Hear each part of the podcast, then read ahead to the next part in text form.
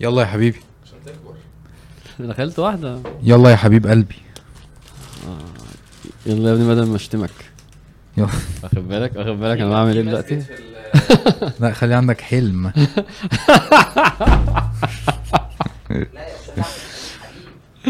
آه الحمد لله الموضوع مأثر فينا طبعا صح؟ المعاني وذهننا بالكلام و... الصراحة؟ آه. لا. هو تحس إن أنا كنت أقول كده. آه. لا، ما لا. تكدبش ما تكدبش. بس حلوة لا الصراحة الصراحة يعني الحوار فعلا فارق معايا. الحمد لله. بفضل الله. آه. فعلا الحمد لله يعني بجد يعني. عشان كده قعد يومين ما بيردش ما مش هينفع يقول الحقيقة قال لك أنا مش هرد أصلا. آه اقعد يا شريف. اقعد ربنا يهديك. اقعد اقعد طيب. شيل المناديل دي بس. مش قاعد يومين يا ابني ما يردش عليك. شيل كيس المناديل ده. كان متاثر بالحلقة آه مش عارف بقى يقول إيه. هيكذب بقى. رب اشرح لي صدري ويسرني أمري واحلل عقدة من لساني يفقهوا قولي. آه جامد. أنا فعلا آه مبسوط آه بالسلسلة دي. يعني إحنا في الأول آه بدأنا الكلام عن إن الأخلاق آه حاجة كبيرة جدا. وبدأنا نتكلم في إن هي يعني وزنها ما يقلش عن العبادات. يعني مش مش عايزين نقول بالظبط إيه الموضوع بس قصدي آه كنا اتكلمنا إن هي خ- مثلا هي 50% والعبادات 50% حاجة زي كده. وإن الأخلاق دي مش حاجة أنت بتتفضل بيها على الإسلام مثلا لا الأخلاق دي أصلا هو ده الإسلام أصلا إن أنت تبقى مؤدب. وبعدين اتكلمنا عن آه، أول حلقة اتكلمنا عن عن الصدق والكذب. آه، وده أنا حاسس أنا حاسه فرق معايا الصراحة. حاسس إن أنا بقيت واعي لشوية حاجات حاسس إن أنا بقيت بما إن أنا اتكلمت فيه فلازم أبقى مركز فيه أكتر. صح. آه، أظن إن هو فرق معاك برضو الحلقة دي صح؟ ما هو لما أقول أنت الجملة اللي أنت قايلها دي دي دي نفحات الدعوة دي بو- بونص الدعوة. أنت ب ب بتضغط عليك لا إحنا ما بنعملش score ولا حاجة خلاص. أنا ليه؟ أنا خسرت المره اللي فاتت هخسر ليه؟ كل مرة. كل مرة. طب يبقى قول نبدأ من الأول أنا كان ممكن أقول. لا، لا، لا، لا، لا هي دي هي لا دي لا. لا لا ده كده خدعة إحنا عايزين نتكلم على الخداع. لا حول ولا قوة إلا المايك بالله بتاعي ده مش مش شغال. أنت كام؟ اتكلم كده. بسم الله. أيوه كده. بسم الله؟ حلو حلو. حلو كده. ال- الدعوة آه، بتضغط. هو أنت ليه يا حازم ليه بتعمل موضوع ال- الكلام الإنجليزي والعربي ده؟ اللي هي ال- آه، يعني- العداد ده. يعني أنت عجبك الموضوع؟ نزل الكرسي بس ما تتكبرش عليا كده. شفت الدخلة دي؟ دخل دخلت بص. بص أنا أنا محتاج بس إيه في ناس المرة اللي فاتت قال لك كذا comment قال لك إيه. ليه؟ آه يعني خليه يتكلموا عادي. لا لا كذا comment قال آه، آه، ان أنا قلت playlist في الأول آه ده هم مركزين بقى بال فاللي هو. لا يا جماعة هو إحنا, كده إحنا كنا؟ بنهزر شوية لا لا بس انا إحنا محتاج عايزين ناخدها كده أنا محتاج أدافع بس عن النقطة دي آه. إنه يعني يعني لو أنا قلت فيديو مثلا ف- أيوة، في أيوة. فيديو دي أنا هت- هاخد فيها score لا لا لا في طب و score دي كلمة برضه ما تنفعش صح ولا دي إيه اللي آه. بيسموها ال- في ال- الكورة عادي يعني خلينا نتكلم في حاجات معربة يعني زي okay مثلا يعني ماشي. بس مش ليفل يعني. بالنسبة لنا يعني مش بقول يعني أنا مش بقول إنها في الشرع ولا في اللغة أنا بقول بالنسبة لنا إحنا يعني. مش زي level يعني. لا مش زي ال level دي بالذات لا لو قلتها ماشي. 50 مرة لا. تمام. ف... فأنا أعتبر كده إيه أصل أنا قلت كليب بس انت فكليب دي اللي هو إيه؟ بس إنت ليه؟ عشان آه لأن يعني أنا لا مش أصلا أنا يعني لقيت عايزين أنا لقيت حد آه، يعني كذا كذا حد كاتب إن أنتوا آه، يعني لأ كويس إن أنتوا تتكلموا بال بالإنجليزي وكده. بعض الألفاظ يعني وإن أنتوا ما تتكلفوش لو حد طبعا. ده الطبيعي يعني أنت بتعرف آه، يعني ده الأصل أنت بتتكلم كده عادي. علشان ده ده مفيد وفي شباب بي- بيفرق معاهم كده. لا لا لا أنا ماليش في الموضوع ده.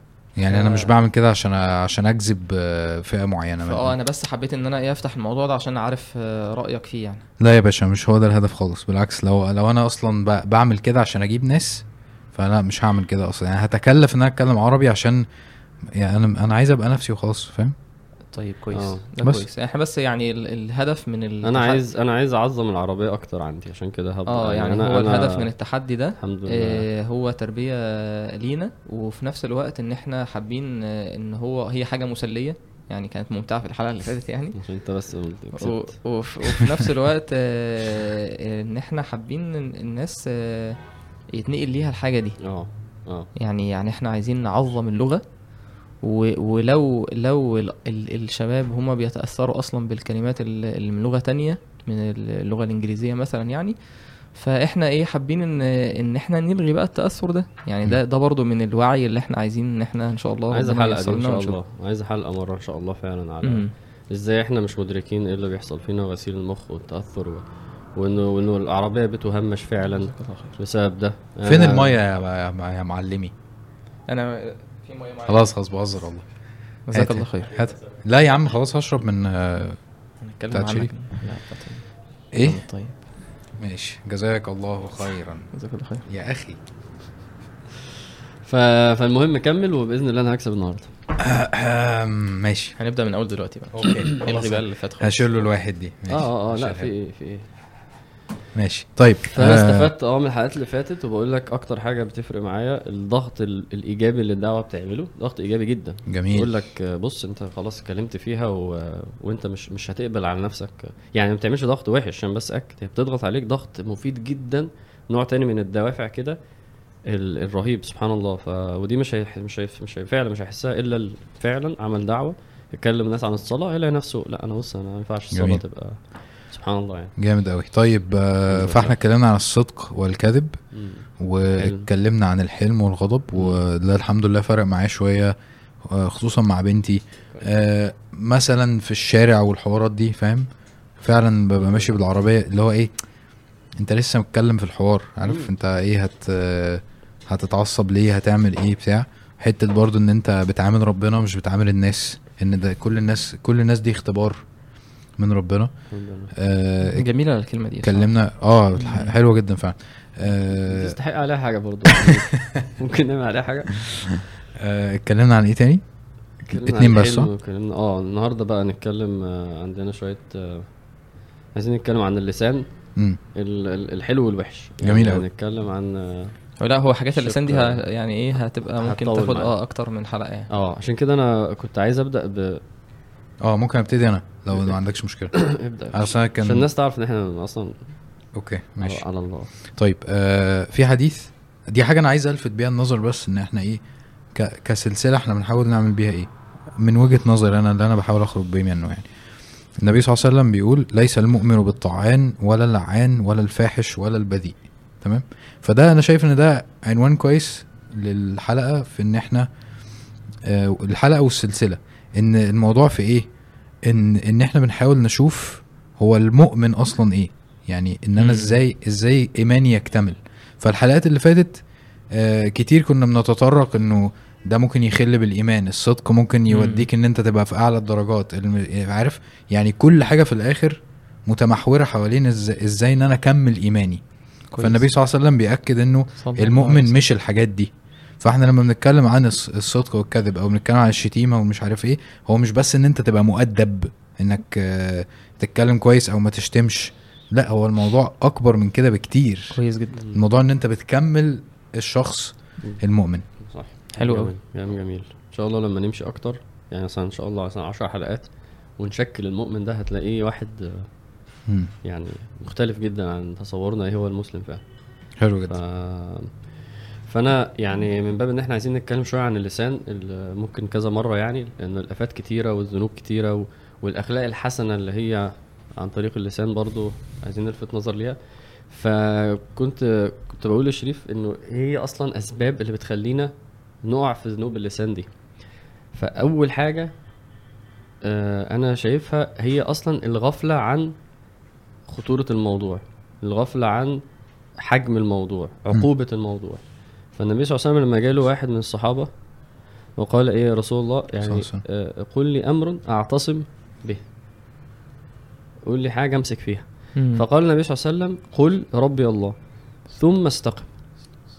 وده ده منهج اللي عايز يلتزم إن هو يخش الباب ويتوب مم. ويعترف بال- بانه الله ربه وبعد كده يستقم وياخد وقت على ما يزكي نفسه وهكذا. كويس. فبعد كده الراجل قال النبي صلى الله عليه وسلم طب إيه أخوف ما تخاف عليه؟ ما. أخوف ما. طب إيه أكتر حاجة؟ فأنا لو كاتب نقط بقى وأكمل أنا بصراحة مثلا النساء مثلا المال. فالنبي صلى الله عليه وسلم عمل إيه؟ عليه الصلاة والسلام. مسك لسانه وقال هذا. قال له لسان. ففي غفلة إنه أنا ما كنتش عارف إنه يقول كده فعلا. فالغفلة دي بتخلينا آه، واحد اغتاب واحد شتم واحد كذب واحد سخر واحد قذف عرض. في غفلة عن الموضوع خطر. سيدنا أبو موسى الأشعري سأل النبي صلى الله عليه وسلم من. أفضل المسلمين أي المسلمين أفضل مم. فالنبي صلى الله عليه وسلم قال الذي آه، سلم المسلمون من- و- مم. لساني ويدي مم. ف... فالموضوع إنه اللسان لا موضوع كبير والغفلة دي الغفلة بالمعنى اللي هو يعني أنت مش واخد بالك آه، كانت عن سيدنا معاذ فاكر الحديث آه، أنت قلت لي آه. آه قوله ال- إن سيدنا معاذ بي بيقول كنت آه، في سفر مع رسول الله صلى الله عليه وسلم فأصبحت يوما قريبا منه. فهو سيدنا معاذ حب إن هو إيه يعني يعني يستغل الفرصة دي. يعني إيه الحاجة اللي أنت لو أنت قريب من النبي عليه الصلاة والسلام وليك فرصة إن أنت تسأل سؤال؟ وده سؤال من آه، معاذ يعني معاذ اللي هو يعني يسبق العلماء يوم القيامة رمية بحجر. فده مش صحابي عادي مش سؤال أعرابي مثلا أو كده لا ده معاذ بن جبل. أعلم أمتي بالحلال والحرام فقال يا رسول الله آه، آه، قال فأصبحت يوما قريبا منه. فسألته فقلت يا رسول الله دلني على عمل يدخلني الجنة ويباعدني عن النار يعني هو شوف شوف آه، ذكاء معاذ وفقه معاذ هو كل القصة كلها عايز أدخل الجنة وأنجو من النار عمل. عايز أعمل آه آه يعني قول لي على عمل أعمله فقال هو عمل ده جنس يعني إيه الأعمال اللي أنا اعملها يعني؟ فالنبي عليه الصلاة والسلام شوف حتى الرد وده ده هيجي معانا دلوقتي إن يعني أنا حاولت إن أنا يعني وده هيبقى إن شاء الله جاي معايا بعد كده إن أنا أركز على الكلام الطيب في في معاملات النبي صلى الله عليه وسلم يعني ردوده. إن الكلام ال- اللي هو بيقوله الكلام ال- ال- الجميل النبي عليه الصلاة والسلام بيقوله للصحابة. فالنبي عليه الصلاة والسلام عظم السؤال بتاع معاذ. يعني ما قالوش ده سؤال يعني انت تسأل عن السؤال ده ده سؤال عادي يعني. مم. قال لقد سألت عن عظيم. يا. وإنه ليسير على من يسره الله عليه. آه. وقال تعبد الله ولا تشرك به شيئا وتقيم الصلاة وتؤتي الزكاة وتصوم رمضان وتحج البيت. فلما النبي عليه الصلاة والسلام شاف من سيدنا معاذ الحرص فبدأ هو إيه خلاص إجابة السؤال خلصت بدأ يزود له بقى. قال ألا أدلك على أبواب الخير؟ الصوم جنة. يعني وقاية ستر من النار. والصدقة تطفئ الخطيئة كما يطفئ الماء النار وصلاة الرجل في جوف الليل. ثم تلا تتجافى جنوبهم عن المضاجع الآية. ثم قال ألا أدلك على رأس الأمر وعموده وذروة سنامه؟ فقلت بلى يا رسول الله. فقال رأس الأمر الإسلام وعموده الصلاة وذروة سنامه الجهاد. ثم قال ألا أخبرك ده الشاهد بقى ألا أخبرك بملاك ذلك كله؟ يبقى شوف اللي فات ده اللي هو اتكلم عن إيه؟ مم. عن ال- أركان الإسلام واتكلم عن أبواب الخير النوافل القيام والصيام والصدقة واتكلم عن الصلاة والجهاد. إزاي إن أنت تملك أمر الدين؟ فقال فقلت بلى يا نبي الله. فقال فأخذ بلساني. وده في نفس ال- الحديث لساني النبي عليه الصلاة والسلام أمسك لسانه. لسان آه. وحتى في في في كتاب أحوال المصطفى صلى الله عليه وسلم في في باب إن طرق النبي عليه الصلاة والسلام في آه. التعليم في الإشارات. إن منها ال- ال- إزاي النبي عليه الصلاة والسلام كان بيشاور مثلا يشير أشار إلى صدره وهكذا يعني. مم. فمنها حتة إيه؟ مسك اللسان دي من طرق التعليم. إن الموقف ده أثر في معاذ. يعني غير لما أنا أقول مثلا إيه؟ اللسان. مم. لا النبي عليه الصلاة والسلام إيه؟ مسك. جدا. مم. قال فأخذ بلسانه وقال كف عليك هذا. كف كف ده يعني إيه؟ خد بالك إن ده ده خطير. كف عليك هذا. فقال معاذ وده اللي عامر عايز أيوة يقوله هي حتة إيه؟ دي.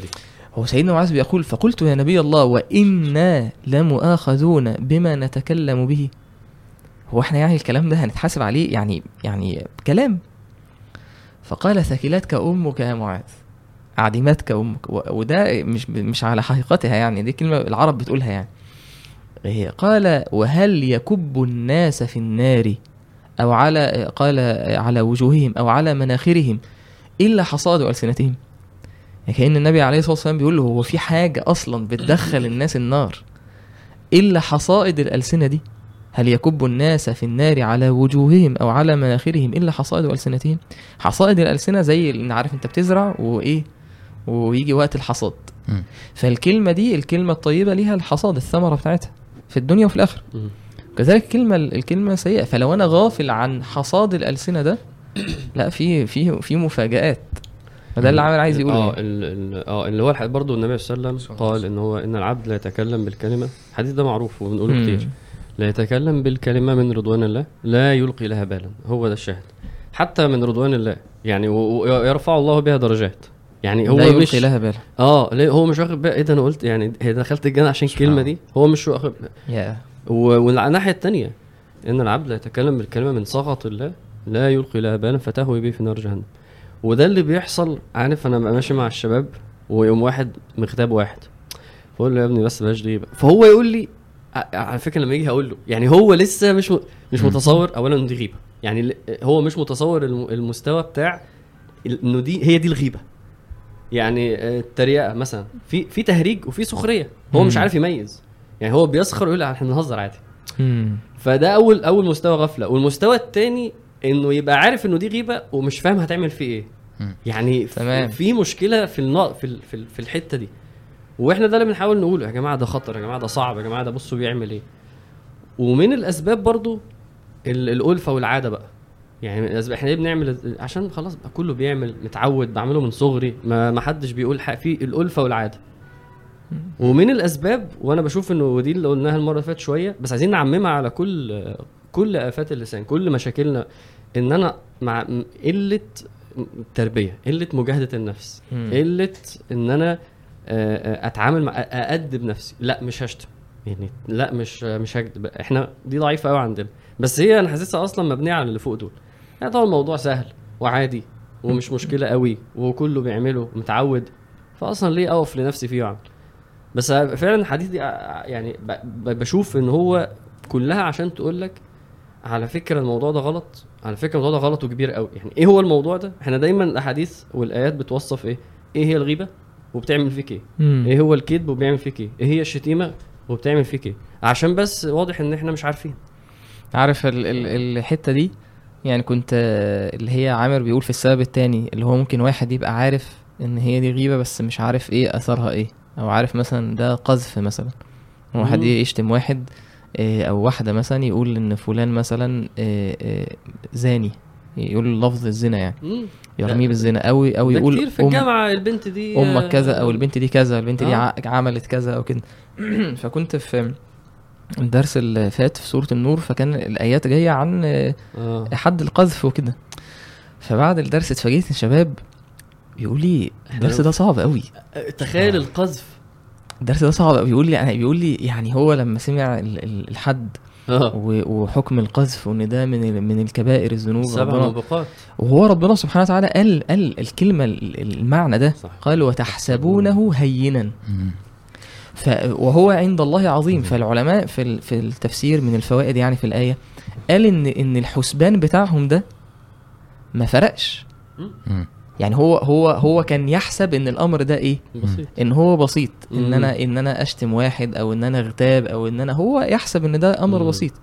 فالحسبان بتاعه ده هنا مش معتبر. مم. وهو عند الله عظيم. يعني ده ده الأمر عظيم عند ربنا سبحانه وتعالى. ف ف فلما لما سمع إن ده إيه ده القذف ده من من كبائر الذنوب وإن ده في حد فيه وربنا سبحانه وتعالى قال إن الذين يرمون المحصنات وقال والذين يرمون المحصنات ثم لم يأتوا بأربعة شهداء فجلدوهم ثمانين جلدة ولا تقبلوا لهم شهادة أبدا وأولئك هم الفاسقون يعني ثلاث عقوبات يعني قالوا قال العلماء قالوا إن جمع عليه ثلاث عقوبات. عقوبة حسية بدنية اللي هو. الجلد 80 جلد وعقوبة معنوية إن الشهادة بتاعته ترد. والعلماء بقى مختلفين بين إن هو ه- لو تاب الشهادة بتاعته تقبل ولا لأ؟ خلاص كده. ولا خلاص كده. تخيل خطورة الموضوع و... و... وعقوبة دينية. عشان اللي هي الآية ولا ولا تقبلوا لهم شهادة أبدا؟ ولا تقبل لهم شهادة مم. الجمهور على على إن هو لو تاب وأصلح و- ويعني وكذب نفسه مم. في اللي هو قاله إن شاء الله إن إيه التوبة بتاعته تقبل. والشهاده بتاعته تقبل. لكن شوف يعني ده. إيه. خطر. وأولئك هم الفاسقون عقوبة دينية. يعني يكتب عند الله من الفاسقين من أهل الفسق الله. خرج عن طاعة الله. فده يعني بأكد على النقطة دي إن ممكن الإنسان يكون مش واخد باله. مش مشكلة يا باشا عادي مش طالع شغال معانا؟ لا لا. إن ممكن الإنسان يكون مش واخد باله من من من خطورة الحاجة اللي هو بيعملها. وده ده برضو من الدوافع اللي بتخلينا نتجرأ عليها. هو بس الحديث اللي انت قلته في الأول خالص آه، هو مش بس عن موضوع الحلقة دي هو الحلقتين اللي فاتوا برضو هو نتيجة الغضب انت بينعكس على اللسان صح. فبتلاقي نفسك بتعمل الحاجات الصدق والكذب ده برضو عمل لس- لسان. اللسان. النتيجة في الآخر اللسان صح. فده في كل ال- من الواضح إن هو فعلا يعني صدق رسول الله صلى الله عليه وسلم. صلى الله كل عليه حاجة وسلم. كل حاجة بت بتطلع على اللسان. كله مسمى على بعض. بالظبط. طيب نبدأ آه، بال- بالجانب الحلو. ماشي. عايزين نتكلم في حاجة حلوة وحاجه وحشة؟ نتكلم حاجة في الوحش. وحاجه ما نعملهاش. نتكلم في الوحش الأول. نبدأ في الحلو. خليك خليك. خليني حلو طيب. خليك ماشي. كده. ما ت... يا مدير ما تزوم عليا سيكا كده. يعني ايفر يعني بس كده. جميل قوي معلم. لا يعني بص لمسة آه،. فن فني. شوف لفة ال ها؟ طيب شريف فوكس. الكلام الطيب. هو إن ده ممكن يبقى ال- العنوان يعني النبي صلى الله عليه وسلم كان بيتكلم عن الكلمة. الطيبة الكلمة الطيبة ف عندك إيه يا حسن في الموضوع ده؟ الكلمة الطيبة آه هو في حديث بيقول ان الكلمة الطيبة صدقة مش كده طب مم. آه إيه تاني لا ده أجيب إيه؟ هجيب الأحاديث ما تاخدش الأحاديث بس بتاعتي لو سمحت محد- محدش محضر في الموضوع يعني. إحنا بخ... إحنا إحنا يعني إحنا قلنا. آه، إن أنت هتقول حاجة في الموضوع ده؟ آه تمام. أوكي. ماشي لو أنت مش مش حاضرة هقول أنا وأنت بعدين. أنا أنا كان في بالي إن إحنا نبتدي بالشتيمة الصراحة. لا نشتم هنبتدي في هنتكلم عن الشتيمة. نشتم في الآخر. فهو يعني يعني ده ده معنى معنى إن إحنا أصلا نتكلم عن جانب الكلام الطيب ده ده يعني ده قليل يعني. أنا أيوة. بحس إن هو فعلا أيوة. يعني إيه إحنا عايزين نتكلم عن الغيبة مم. وعايزين حتى حتى بتلاقي في تعليقات الناس يعني. اتكلموا عن الغيبة. وده مهم واتكلموا عن الشتايم واتكلموا عن كذا واتكلموا يعني إيه الحاجات اللي هي افات اللسان. لكن لكن أنا مش بتكلم عن معنى إن أنا إزاي أربي لساني إن هو يقول كلام كويس. صح إن أنا لما أنبه التاني اللي هو شنو؟ عشان الدرس بقى مش عارف أروح الدرس عشان ما أروحش الدرس ف صح. على اتنين وعلى تلاتة و... أنا أنا أنا معاك بس بس آه، دلوقتي إحنا إحنا الحلقة دي عن الشتيمة والكلام الطيب ولا عن إيه؟ آه آه عن عن اللسان عن أخلاق اللسان المذمومة والمحمودة. انت بتدور على ال title دلوقتي؟ أصل أنا عايز أعرف أصل الكلام الطيب ده ممكن يبقى لا لا لا. ممكن يبقى يعني قصدي مش هي آه هو أنا قلت title آه آه واحد ولا هو اللي قال title؟ أكتب واحد هو اللي هو أنا ما قلتش title إيه إيه إيه إيه برجع للمونتاج وشوف. شوف ده ده دي حلقة الكذب ارجع ترجع أنا ما قلتش حاجة أنا قلت ارجع ماشي. يلا يلا. المهم أنت بتوقعني ليه دلوقتي في الموضوع؟ ال ال آه إحنا إحنا عندنا موضوع اللسان أصله فعلا داخل فيه حاجات كتير. منها الأخلاق المحموده منها طب أنا لو مش هقول الحاجات دي أسكت. لا في فليقل خيرا الأول أو ليصمت. فإيه الخير؟ يعني أصل أنا برضو مع شريف في ده أنا نفسي ممكن أكون مش هطرح الموضوع ده. يعني هقول دايما الحاجات ال- الوحشة الوحشة الوحشة الوحشة. في حين إن أنا لو بصيت لمعايير المفروض المؤمن طب يتكلم ويقول إيه؟ يعني إيه الخير اللي يطلع منه؟ أنا عندي مشكلة كبيرة جدا فيها فعلا. عارف يا حازم يعني ممكن ممكن واحد يكون مثلا ما بيكذبش وهو واخد باله من حتة الكذب واخد باله من حتة الغيبة واخد باله من حتة إن هو ما يشتمش. لكن هو ما بيعرفش أو ما بيدربش نفسه إن هو يقول كلام حلو. ما هو ده أنا بالظبط. كلام طيب. عشان كده قلت لك؟ حضر أنت. ف... ده أنا بالظبط والله. فيعني أنا أنا كمان. أنا عن أنا عن نفسي فعلا الكلام الكلام يعني الكلام بيفرق معايا. يعني وأنا لاحظت ده حتى حتى لو بالهزار. يعني أنت ممكن تكون مثلا إيه، في في سفر في خروجة مع ناس صحاب ليك أو كده ممكن حد يقول لك كلمة فعلا تفرق في نفسيتك جدا جدا يعني. ممكن يقول لك كلمة هو بيهزر. لا لا لا معلش أو يقول. كلام معلش. ما فيش حد بجد بصراحة ما فيش حد هيقول لك كلمة إلا وهتفرق في نفسيتك. مش ممكن تفرق. ما فيش حد هيقول لك حاجة كويسة إلا ولازم هتفرق. أنا بتكلم على كلام الكلام السلبي كمان. يعني, يعني أنا آه، بتكلم يعني على فعلاً- الناحيتين. فعلا هو مؤثر جدا.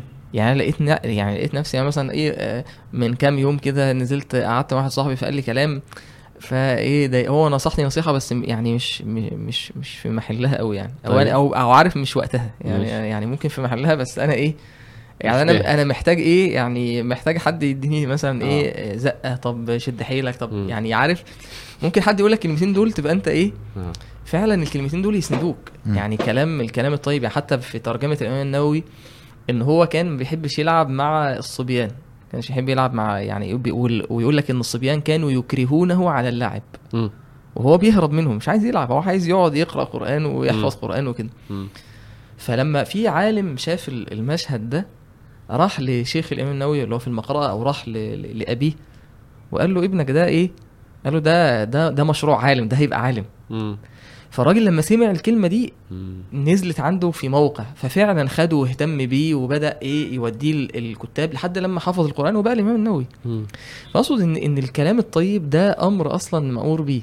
يعني أمر من من سنة النبي عليه الصلاة والسلام وربنا سبحانه وتعالى قال وقولوا. للناس حسنا. للناس. يعني يا عم اعتبرني اعتبرني من الناس. يعني الناس دي حاجة حاجة يدخل فيها بقى كل الناس بقى المسلم وغير المسلم وكده. وربنا سبحانه وتعالى قال وقل لعبادي يعني لو أنت عبد لله يقول التي هي أحسن. إن الشيطان ينزغ بينهم. يعني أنا ما كنتش متخيل إن ممكن أنت تكون مثلا بتهزر مع حد أو تقول كلمة إيه، وأنت وأنت فعلا نيتك مش وحشة. لكن الكلام ده فعلا يكون هو يتلقى الكلام ده بأثر مش وحش وحش عليه هو. يعني فعلا هو يتعب فعلا هو يتضايق فعلا الكلام يأثر فيه فعلا ممكن إيه مثلا نبقى خارجين وحد مثلا نستلمه ونهزر معاه مش عارف إيه وهو بي بيظهر إن مفيش مشكلة خالص.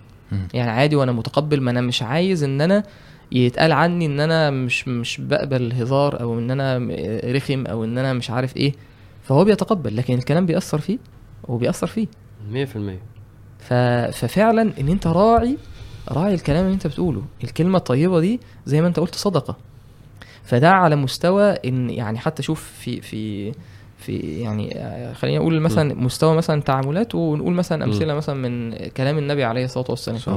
يعني مثلا مع مع مع الزوجة.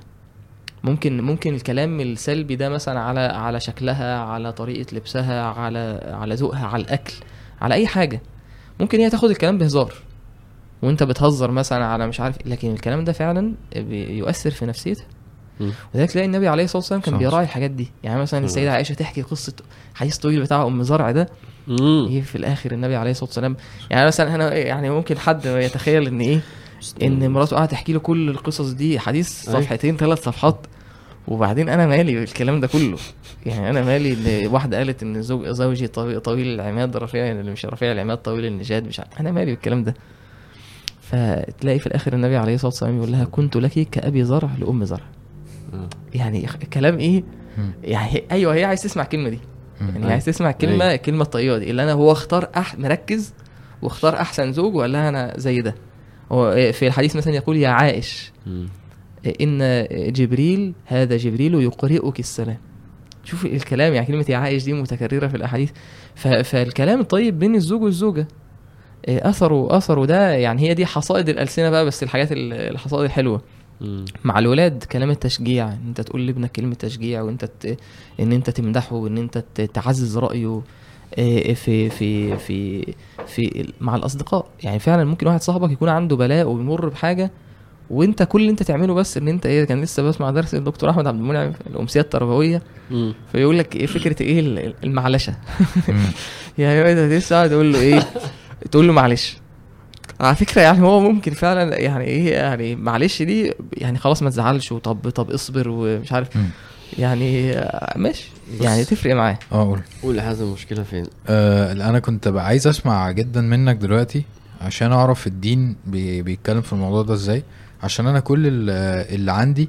وكل اللي إحنا عايشينه آه هي ال ال ال- الموضة بتاعت الأيام دي بتاعت ال ال الصحة النفسية وإنك تروح ل ل therapist يقول لك مش عارف إيه وإن أنت ال trauma بتاعت الطفولة مش عارف إيه ف إيه يا عم ما دي كلمات دارجة. أنا بس بقول مش هتتحسب دي عشان دي هي عشان أنت مظبط معاه. عشان حازم هو بيخبطك من تحت مدير تقريباً. مدير الاداره طيب. بص هو أنا ممكن أقولها بالعربي بس أنا كنت عايز أقولها الكلمة دي. آه عشان هي ليها أيوة، هي trauma يعني صدمة. آه. كويس. بس هي, هي عشان بس هي إيه؟ م- هي بيبقى ليها إيه بالإنجليزي؟ لا إحنا هنعدي الكلمات اللي هي هنعدي الكلمات اللي هي. اللي هي مصطلح م- متعارف عليه آه. تمام. ماشي أنا متفق. أنا كنت ممكن أقول معالج زي therapist بس آه. أنا قصدي إنه إيه هي دي الكلمات اللي إحنا اللي بتتردد يعني في وسط الناس أيوه. بالظبط. فبتعمل إيه؟ آه بتعمل trauma بتعمل صدمة. أيوه. فأنا أنا أنا كنت عايز بس أسمع منك آه ال- اللي هو الحاجات اللي إيه الأساسية بتاعت الدين أو ال- الدين بيتعامل إزاي في المواضيع دي. من غير ما نقعد بقى إيه نروح هناك ونقول آه ده زي اللي هم بيعملوه في مش طبعا. عارف إيه والحوارات آه دي. طبعا. آه كل اللي انت قلته أصلا الواحد لو مراعيه أصلا في البداية مثلا عشان إيه إحنا مثلا عندنا ربنا يحفظهم يعني. عندنا عيال صغيرة يعني فاهم؟ ولادنا وكده. فكل كل اللي انت قاعد تفكر فيه اللي هو ولادنا. آه أنا ما يعني- عنديش غير رحيم عادي. وأنا عندي زاد برضه. سنتين عادي ما عنديش. فيعني أما تقول لها مثلا إيه إيه الفستان الجميل ده؟ إيه المش... كل ال... كل الحاجات دي بتفرق. بتبني مش بس بتفرق مم. بتبني جدا حلو جدا. بتخليها حاسة إن هي مستغنية كده مش مم. عايزة يعني مش عايزة حاجة من بره هي كويسة هي مكتفية. دي بقى الحاجات اللي بتخلي الواحد مثلا لما يكبر يبتدي يشت. البنت آه آه، تروح مثلا آه، ما هي أبوها ما قالهاش حاجة حلوة. مم. فهي عايزة الموضوع ده من بره عايزة. الكلام ده. آه الأهل ما بيكلموش ما ما ما بيقولوش لعيالهم إن هم مثلا مميزين في كذا وإن أنت كويس وإن أنت قوي وإن أنت ذكي وبتاع. فعايز يستمد ده من صحاب شمال مثلا عارف؟ هو حاسس إن هو ضايع. فعايز ناس تانية تقول عليه جامد. حاجة ماشي، حاجة متعبه جدا. يعني أنا يعني مش فاكر جدا ولا حاجة. أنا مثلا إيه يعني آه، أبويا ربنا يبارك فيه يعني من قريب كده يعني. كان حصل موقف كده ومش عارف إيه وبعدين قال كلمة قال كلمة يعني قال لي قال لي حاجة يعني حاجة حلوة. في حاجة حلوة يعني مم. حاجة إيجابية يعني فأنا أنا حسيت إن أنا أول مرة انبسطت جدا أيوه يعني فعلا حسيت إن أنا فعلا مبسوط يعني هو يعني هو مش هيشوف طبعا الكلام ده يعني بس أنا حسيت إن أنا إيه إن أنا مبسوط. إن هو إن هو إن هو شاف. آه، حاجة الحاجة كويسة دي فيا وقالها لي. عارف لو حد تاني قالها لي مش هتفرق. هو شو يعني وانت كبير. يعني. فما بالك ما بالك الصغير اللي هو أصلا بيبقى شايف نفسه في تحس ان أنت عيل صغير. فعلا فعلا. أنا أنا ده لسه حاصل مع فابويا.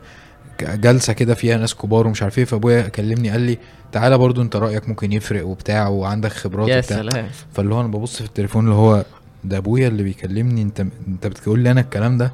ورحت قلت لمراتي ده أبويا شايف إن أنا أنا عيل صغير فاهم يعني؟ فتحس ان مش ان عيل صغير. هي برضو تحس إن العيل لسه مش فاهمين. يعني آه. بص أنا عندي مم. آه، آه، آه، يعني في في كده ما بين إنه إحنا عارفين واقع ده علينا كويس جدا. يعني أنا ما ينفعش أقول لك آه صح دي الكلمة الحلوة. لا مش عارف تفرق معايا ولا لا. يعني ما يعني مستحيل أوصف غلط. وفي نفس الوقت آه، ما بين إن إحنا مش فاهمين إن هي بتشتغل كده. يعني قصدي إيه؟ أنت بتقول أنا عايز مش عيل صغير هو أنت بشر. هو البشر كده. كويس. فأنا لو جيت سألتني هل هجاوب كل الاسئله صح هل ده بيضايقك؟ آه. هل ده بي... هل... هل حصل فيك يعني أنا بكلمك عن تجارب. وفي نفس الوقت أنا مش مش واخد بالي خالص هو إيه هو إيه اللي بيحصل. يعني أنا. عارف و... ومش مدرك. آه مش عارف أثره بس عارف إن هو بيأثر. لا أنا لو سأل لا, لا لو لو دخلنا في تفاصيل وقلت لك مثلا لو أنت عمك قال لك كلمة حلوة دي هتفرق معاك؟ هتقولي طبعا. وف... لو حصلت معاك آه حصلت. يعني أنت عندك الإجابة نموذجية بتاعت أنا عارف الموضوع. ان أنا بقى مش مدرك خالص سواء وهو بيحصل لي أو هو بيطلع مني يعني مش مدرك. يعني أنا دلوقتي بتكلم مع الناس في ده طيب أنت بتعمل كده مع ابنك؟ لأ.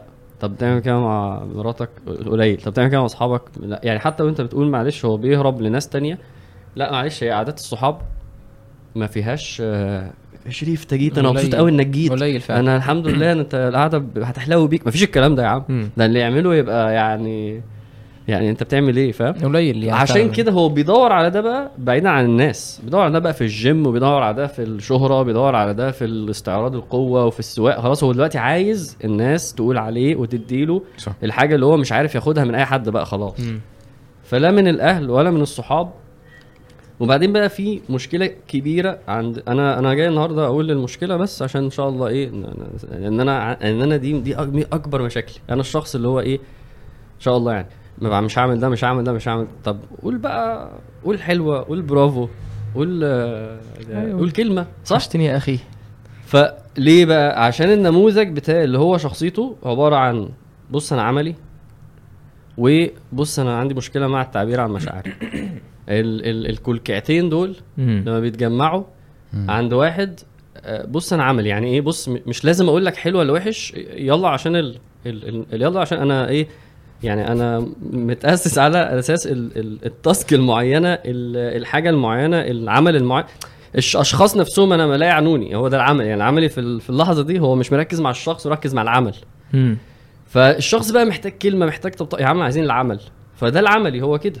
هو مش بيبص لأي حاجة حتى في علاقته مع ربنا أنا صليت. طب الخشوع بقى والت... يا عم أنا صلي أنا أنا بتكلم دلوقتي في الع... فالشخص ده ما بيراعيش إن هو محتاج يدي الناس مساحة.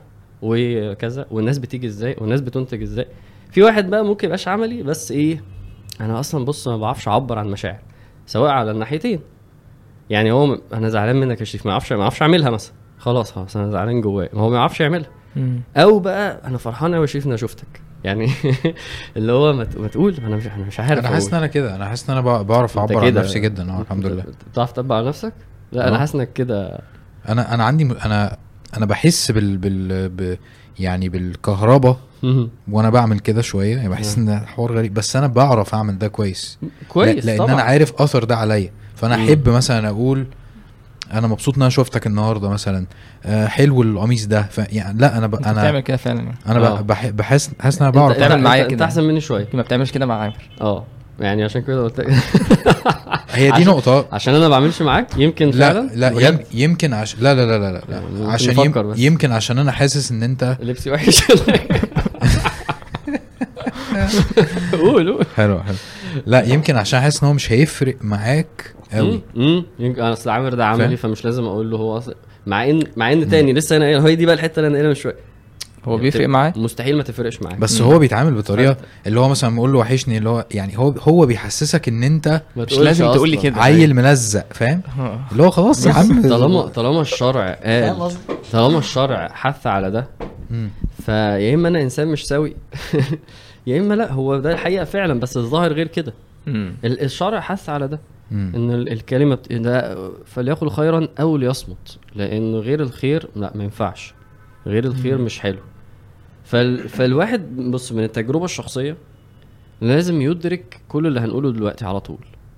إيه، أنا ممكن معلق في ذهني حاجة حد قالها لي وأنا في ابتدائي. positive أو negative صح، صح، اكتب صح، صح. تكتب. هكتب اتنين. سلبي قوي ابن امه كان في واحدة قبلها يعني بس مش ما هو خلاص كتب اتنين أهو. هي بتعلق في ذهنك. يعني جداً. فعلا لما حد في يقول لك طبعا طبعا. فانت التجربة الشخصية بتقول يا جماعة اللي إحنا بنقوله ده كلام كبير كلام مهم. وبعد كده الوحي والسنة والسيرة بتقول لك انه هو ده كان سمت النبي صلى الله عليه وسلم. سواء. إنه يحث على كده أو إن هو يعمل كده بنفسه.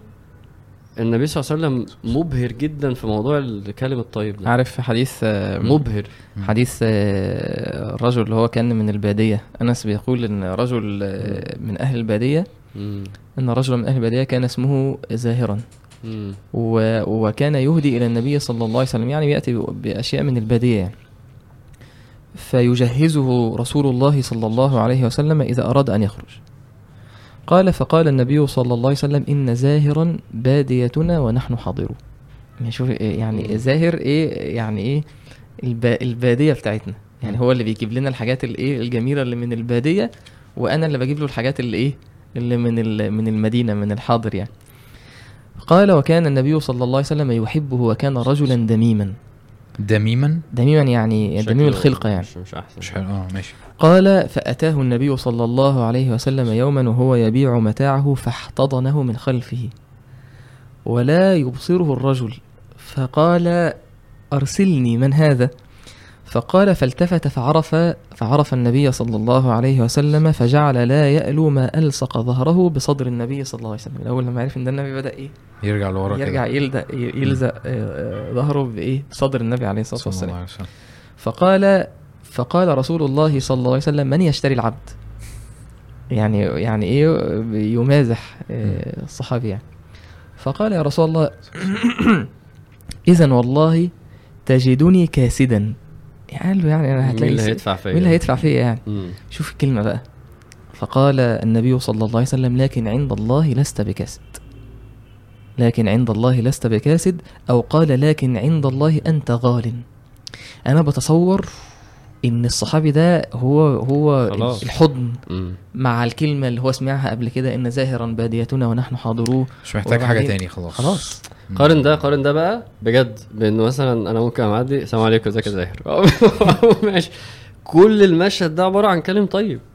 فاللي يقول لك ما بتفرقش ده ده قصر ديل بجد بقى ده قصر ديل بجد. لو لو حد قال لك أصل أصل الناس أصل ده قصر ديل فعلا.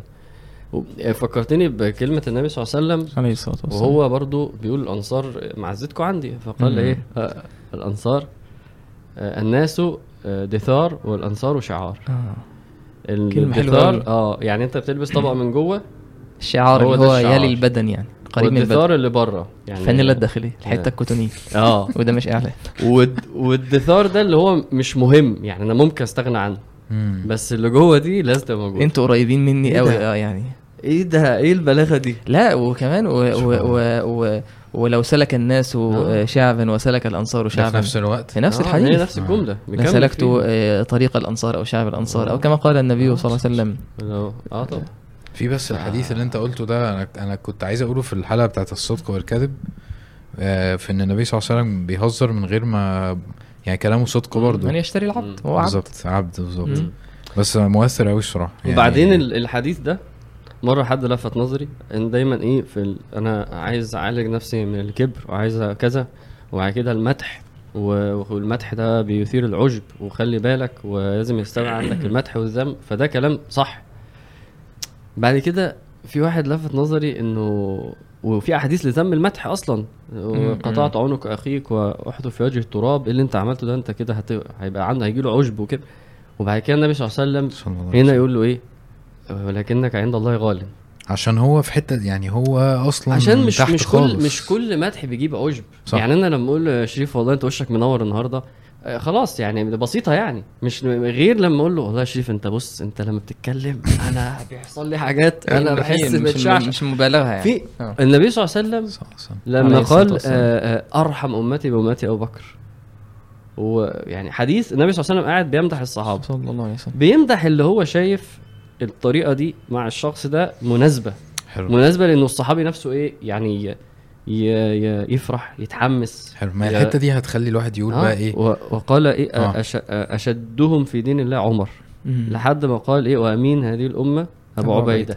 بيمدح الصحابه وقال خالد سيف من سيوف الله. فبالتالي يعني قليل قوي لما بندي الواحد بس بس حقه في يعني حقه. يعني من الحاجات اللي إحنا عايزين نتربى عليها ادي واحد حقه. ما هي دي مهارة انت آه طبعا بتكتسبها. طبعا. يعني انت يعني لو في حد عطل مننا في حتة اللي هو إيه بس مدح الناس ده هيأدي بينا ان إحنا مش عارف إيه ون مم. ونأفور لا ما هو انت إزاي انت لازم- وامتى؟ آه. انت, انت لو انت انت لازم تمرن نفسك على ده مم. وده بيجي بان انت للأسف هنضطر نخش بقى في حوارات بقى الإيه العلم بتاع الأيام دي. مم. الحتة بتاعت الإيه الكلمة بتاعت الامباثي أو إن أنت تحط نفسك مكان الناس. مم. أو إن أنت تشوف إيه اللي هيبسطك. هو ده في الحديث النبي عليه الصلاة والسلام قال وليأتي إلى الناس الذي يحب أن يؤتى إليه. جميل جدا. مم. بس كده خلاص خلص الموضوع. عمرك- مش عمرك محتاجين ما- امباثي ولا عمرك ما هتحتاج تخرج الحمد. لله. لا الحمد لله.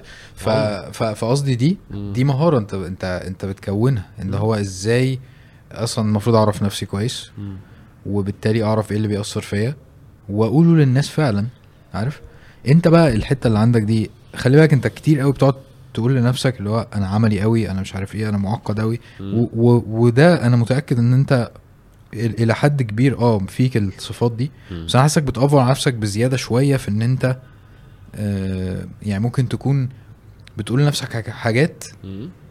آه مش مش حقيقية بس خلاص انت اقتنعت بده واستسلمت ان أنا خلاص فاهم فاهم دي دي دي دي برضو الناس الجداد دول بيسموها ال labeling ان انت يعني إيه بت... صح. بتعمل label كده وتكتب عليه عشان تقول خلاص يا جماعة اهو اعمل إيه أنا. راجل ماشي بس لو عايزين الخلاصة مم. عشان برضو اللي بيسمعني واللي عامل زيي وأنا وأنا والله فعلا الحمد لله يعني بس بس يعني أسوأ واحد في موضوع الكلام الطيب ده هو المشكلة كانت إنه في حاجة كده اتزرعت جوايا إنه إنه ده ضعف ان أنا قلت لك. حاجة حلوة أنا أنا أنا أنا ده ضعف. فأصبح أنا دلوقتي ال ال الكبر أو نفسي بتمنعني من إن أنا إيه. من إن أنا آه، لأ عادي تضاعف لو أنت هو أصلا مش ضعف. فهو لأ ده, ده, ده دي قوة. ده ان أنت تقول واحد حاجة كويسة ده صح ودي قوة. فهي المسألة مسألة إن هي ما بقتش أصلا أنا عامل أصلا؟ لا لأ هي مسألة أنا دي حاجة تقيلة عليا. أنا ضعيف فيها. فانت محتاج تقول لنفسك اولا تتكلم مع نفسك ده صح ولا غلط؟ ده حلو ولا هو, وحش؟ هو اللي انت بتقوله ده مفهوم جدا على فكرة. يعني آه. مش, حاجة غريبة. هو لا ده فعلا اللي بيمنع الناس. آه آه بس بس ساعات الواحد ما يدركش أنا أضعف من إن أنا أقول. مش أنا مش عايز أقول مش عارف أقول. لا أنا أنا عندي أنا أنا أنا متحرج آه، خصوصا لو أنا أنا بقالي 20 سنة مثلا ما عملتوش مع ماما مثلا. فدلوقتي روح قول لماما مثلا شكلك حلو. يا عم أنا حاسس كده إن أنا في الشارع. ضعف في ضعف. آه، آه، قلة الممارسة. آه يعني حلو. ممكن يبقى حاليا الفكرة لا طبعا ده الصح وده حلو وده وده جميل وده م... طب تمام اعمله بقى. ما أنا متحرك بس عشان أنا إيه؟ يعني ما بعملوش ما عملتوه. هيقولوا إيه؟ هيبصوا زي- يا ابني مش هيبصوا ولا هيقول. قلة الممارسة آه مع برضو إنك بتحس إن أنت إيه؟ أنا أنا ه... أنا هترمي في البحر. فأنت بس أنت أخوك مش كده أنت بتقول إيه أخوك مش كده؟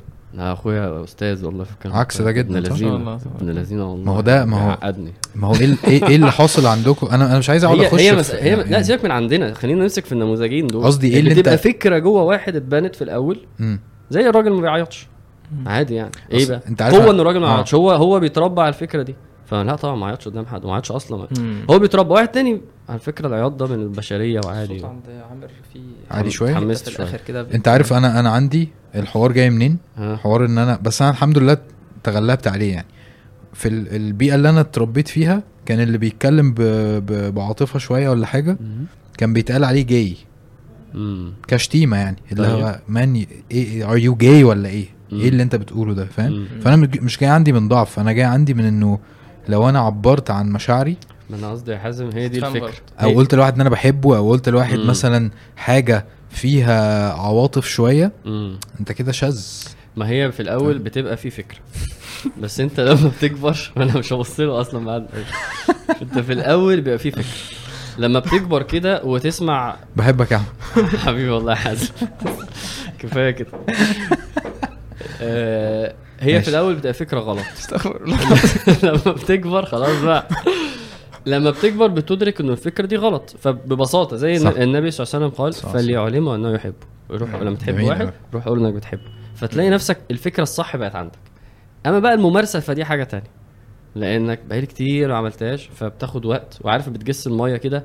وحتى فعلا بيقول طب قول حاجة بسيطة قول مثلا قول وحشني مثلا ابدأ بفهم وحش بعد كده حلو القميص ده. زي ما انت بعد كده بقى أنا بحبك جدا والله حازم. يعني تدرج شوية. مش الدرجات يعني. وحتى وحتى إيه من من المميزات وذات العصر ده الموبايل يعني. يعني ممكن أبعت لك قلب على الموبايل. أقول لك صح لا لا دي بالنسبة لي صعبة بت... الصراحة بت... ما بالظبط بعتش قلب الراجل ف... لا لا أنا ما يعني ما خلصتش من موضوع الدرجات لا أنت يعني بقى ارجع بقى. قلب أزرق أزرق أزرق. آه، طيب عايزين بس إن من- قول آه، صور يعني كده من من يعني أثر الكلمة الطيبة دي إحنا قلنا انه ممكن يكون تشجيع مم. ممكن حد عنده مصاب مثلا أو بلاء فده جبر ليه. آه، ممكن يكون ده سبب في هداية إنسان الكلمة الطيبه حتى لو أنت صح. حتى لو أنت ما, ما نقطة دعيتوش أصلا. يعني ده من تأليف القلوب أصلا يعني إن أنت ما كلمتوش في دعوة ولا قلت له حاجة بس ممكن تقول له كلمة طيبة فدي تفتح قلبه مم. دي دعوة أصلا صح مم. صحيح. مم. لكن أقصد يعني ما قلتلوش آية أو حديث طبعا. أو كده صح. أنت بتكلمه كلام كويس ف وده عادي ممكن تلاقي مثلا جارك اللي أنت بتقابله كويس وبتكلمه كويس وبتبتسم في وشه وبتسلم عليه تلاقيه هو بيحبك ولو أنت قلت له أي حاجة بعد كده يقبلها صح ف... فأثر الكلام الطيب على محبة الناس واثره على المودة واثره على إيه، نفسية الناس اللي حواليك. إن أنت الناس تحب تتكلم معاك. الناس تحس بالأمان وهي بتحكي لك حاجة. إن هو عارف إن أنت مش هت... مش هتسفه منه. إن أنت عارف يعني من الحاجات إن أنت مثلا تكون بتعمل مجهود في حاجة معينة ويجي حد هو مش شايف إن الطريقة اللي أنت بتعملها دي هي الصح فيسفه من اللي أنت بتعمله. فده بيحبطك. يعني أنت تحس إن أنت إيه ال... ال... أنت قعدت معاه قايم تعبان. يعني قايم متضايق قايم مخنوق. ليه هو قال لي كلام؟ احبطني قال لي كلام إيه كان الكلام ده بالنسبة لي مش حلو. أو إن هو مثلا يضغط عليا في وقت أنا أنا أنا محتاج مش محتاج الضغطة دي دلوقتي. ومش محتاج إن أنت تقولي لأ لازم إن أنت تجاهد نفسك وتع... يا عم أنا بس عايزك تقول لي إيه؟ كلمة كويسة. ف... فدي حاجة. أثرها الكلام الخبيث أثره إيه إنما النجوى من الشيطان ليحزن الذين آمنوا كلمه الكلمة الوحشة إيه محزنة محزنة وممكن واحد يتضايق وممكن واحد يتأثر وممكن واحد يعيط يعني لا الكلمة الوحشة مم. فعلا آه، فعلا يعني أنا أفتكر مرة كان عندي يعيط مم. طبعا آه يعني أنا أفتكر مرة كان عندي كان عندي مشكلة كده كبيرة يعني وواحد صاحبي جه إيه المفروض إن هو كان جاي يقعد معايا علشان إيه يخفف عني وكده يعني؟ أنا حاسس ان أنا فلا لا مش انت مش انت مش انت تقلقش. فجاي إيه إيه، فجه قعد إيه يتكلم معايا ويحكي لي بقى ومش عارف إيه وفلان أصلا قال كذا عنك وفلان وفلانة اللي هي طنط فلانة مش عارف. فانا إيه قال لي بقى ان شاء الله نتقابل بالليل نخرج عشان اخرجك من اللي انت فيه. قلت له بص معلش. كفاية كده. معلش كفاية كده. جزاك الله خيرا. أنا روحت البيت فعلا اتأثرت جدا جدا يعني جدا وفضلت طول اليوم آه، تعبان. يعني, يعني فعلا فعلا كلام. أنا مش مستحمل إن أنت إيه، إن أنت تحمل عليها بالكلام ده دلوقتي مش وقته. مم. ف- فمراعاة ال- إن الكلام الخبيث ده ممكن يحزن الناس. مش شرط إن هو تكون كلمة خبيثة لكن الشخص اللي قدام اللي قدامك هو مش مستحمل ده دلوقتي. ال ال ال ال الكلام ده ممكن يؤدي إلى ذهاب المودة والبغضاء. يعني انت ممكن تبقى قاعد مع صحابك وتهزر مع يعني انت خرجت خروجة أو سافرت سفرية وقعدت مثلا تتكلم كلام الكلام ده كان تقيل شوية تقلت العيار شوية فانت رجعت ال- القلوب متغيرة. المفروض إحنا خارجين مع بعض أو مسافرين مع بعض علشان نرجع مثلا ال- العلاقة احسن أو بنحب بعض أكتر أو أو في اخوة أكتر.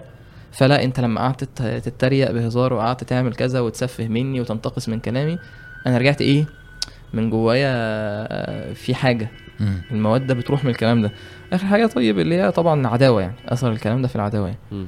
ف...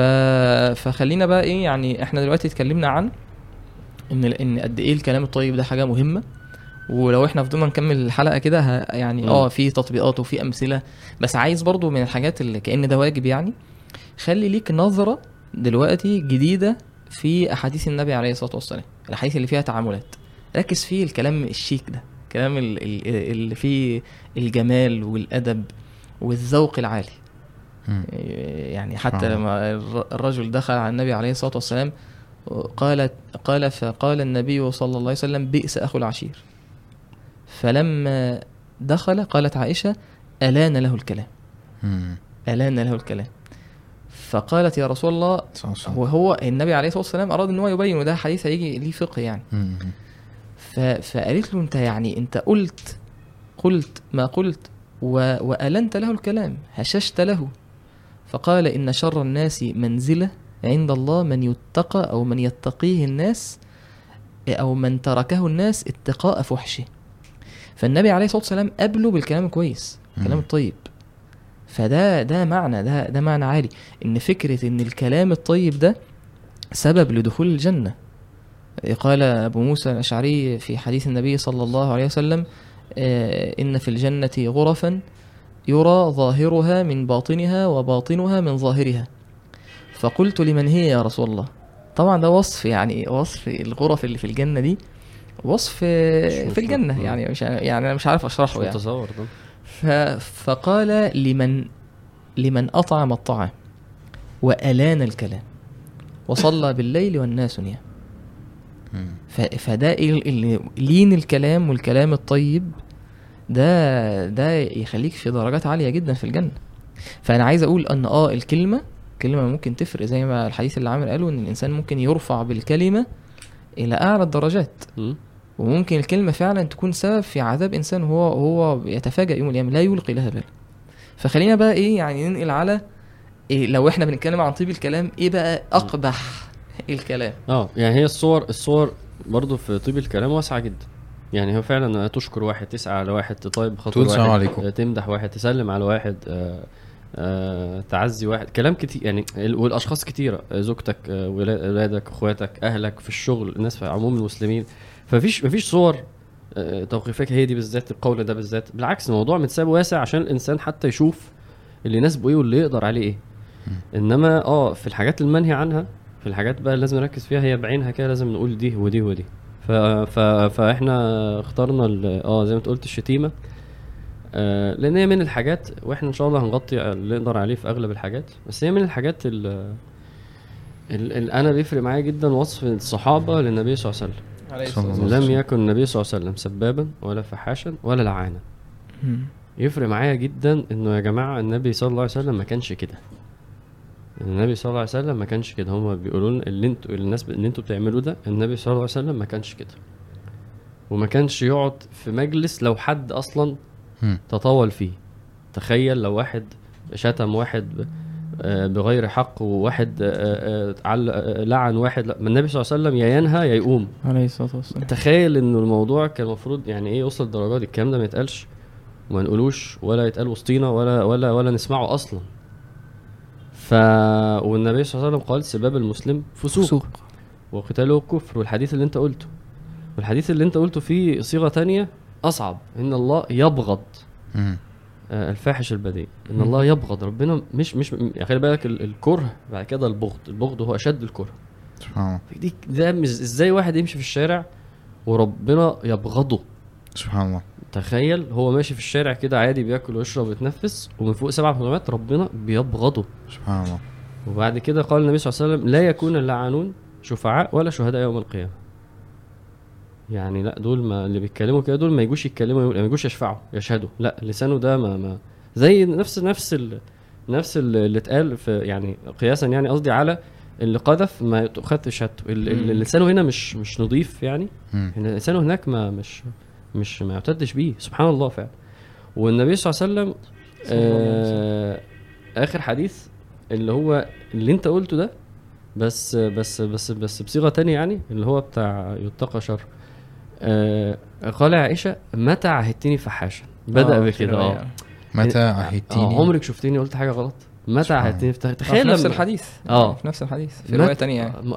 يعني حتى الجملة كأن دي. حاجة صعب مش صعب. إمتى أصلا؟ مستحيل أصلا تلاقيني قلت لا يعني ما ينفعش.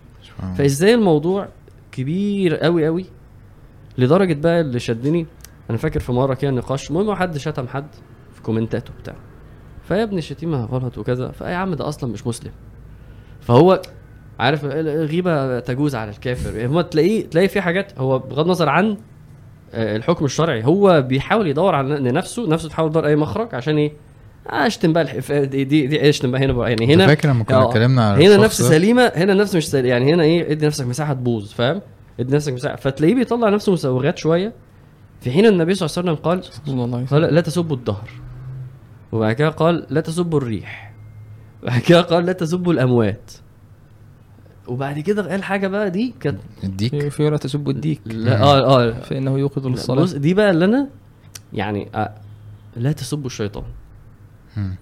النبي صلى الله عليه وسلم قال ليه؟ صلى الله عليه وسلم. عشان أنت هو المسلم هو هو هو مبادئه واحدة هو طريقته واحدة. مم.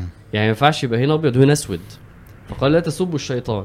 وتعوذوا بالله من شره لأن هو أصلا سبه ده ما ملوش أي قيمة. إنما أنت عايز تتعوذ عشان فعلا الوسوسة. فسبحان الله يعني بص النبي صلى الله عليه وسلم وصل عليه لمين الصلاة والسلام. يعني لا تسبوا الشيطان. فبالتالي المؤمن كده المؤمن لسانه كده ما بيطلعش منه ال الكلام الف- الفحش وال... فيعني وده ما فيهوش تحس إيه؟ ما فيهوش خلاص بقاش فيه مساحة. يعني أنا بقى الظهر والريح والديك وال... الأموات. والأموات. ودي أصلا حاجة ناس. عادي عادي. وبعدين الشتايم إيه بقى؟ إحنا عملنا إيه فيها؟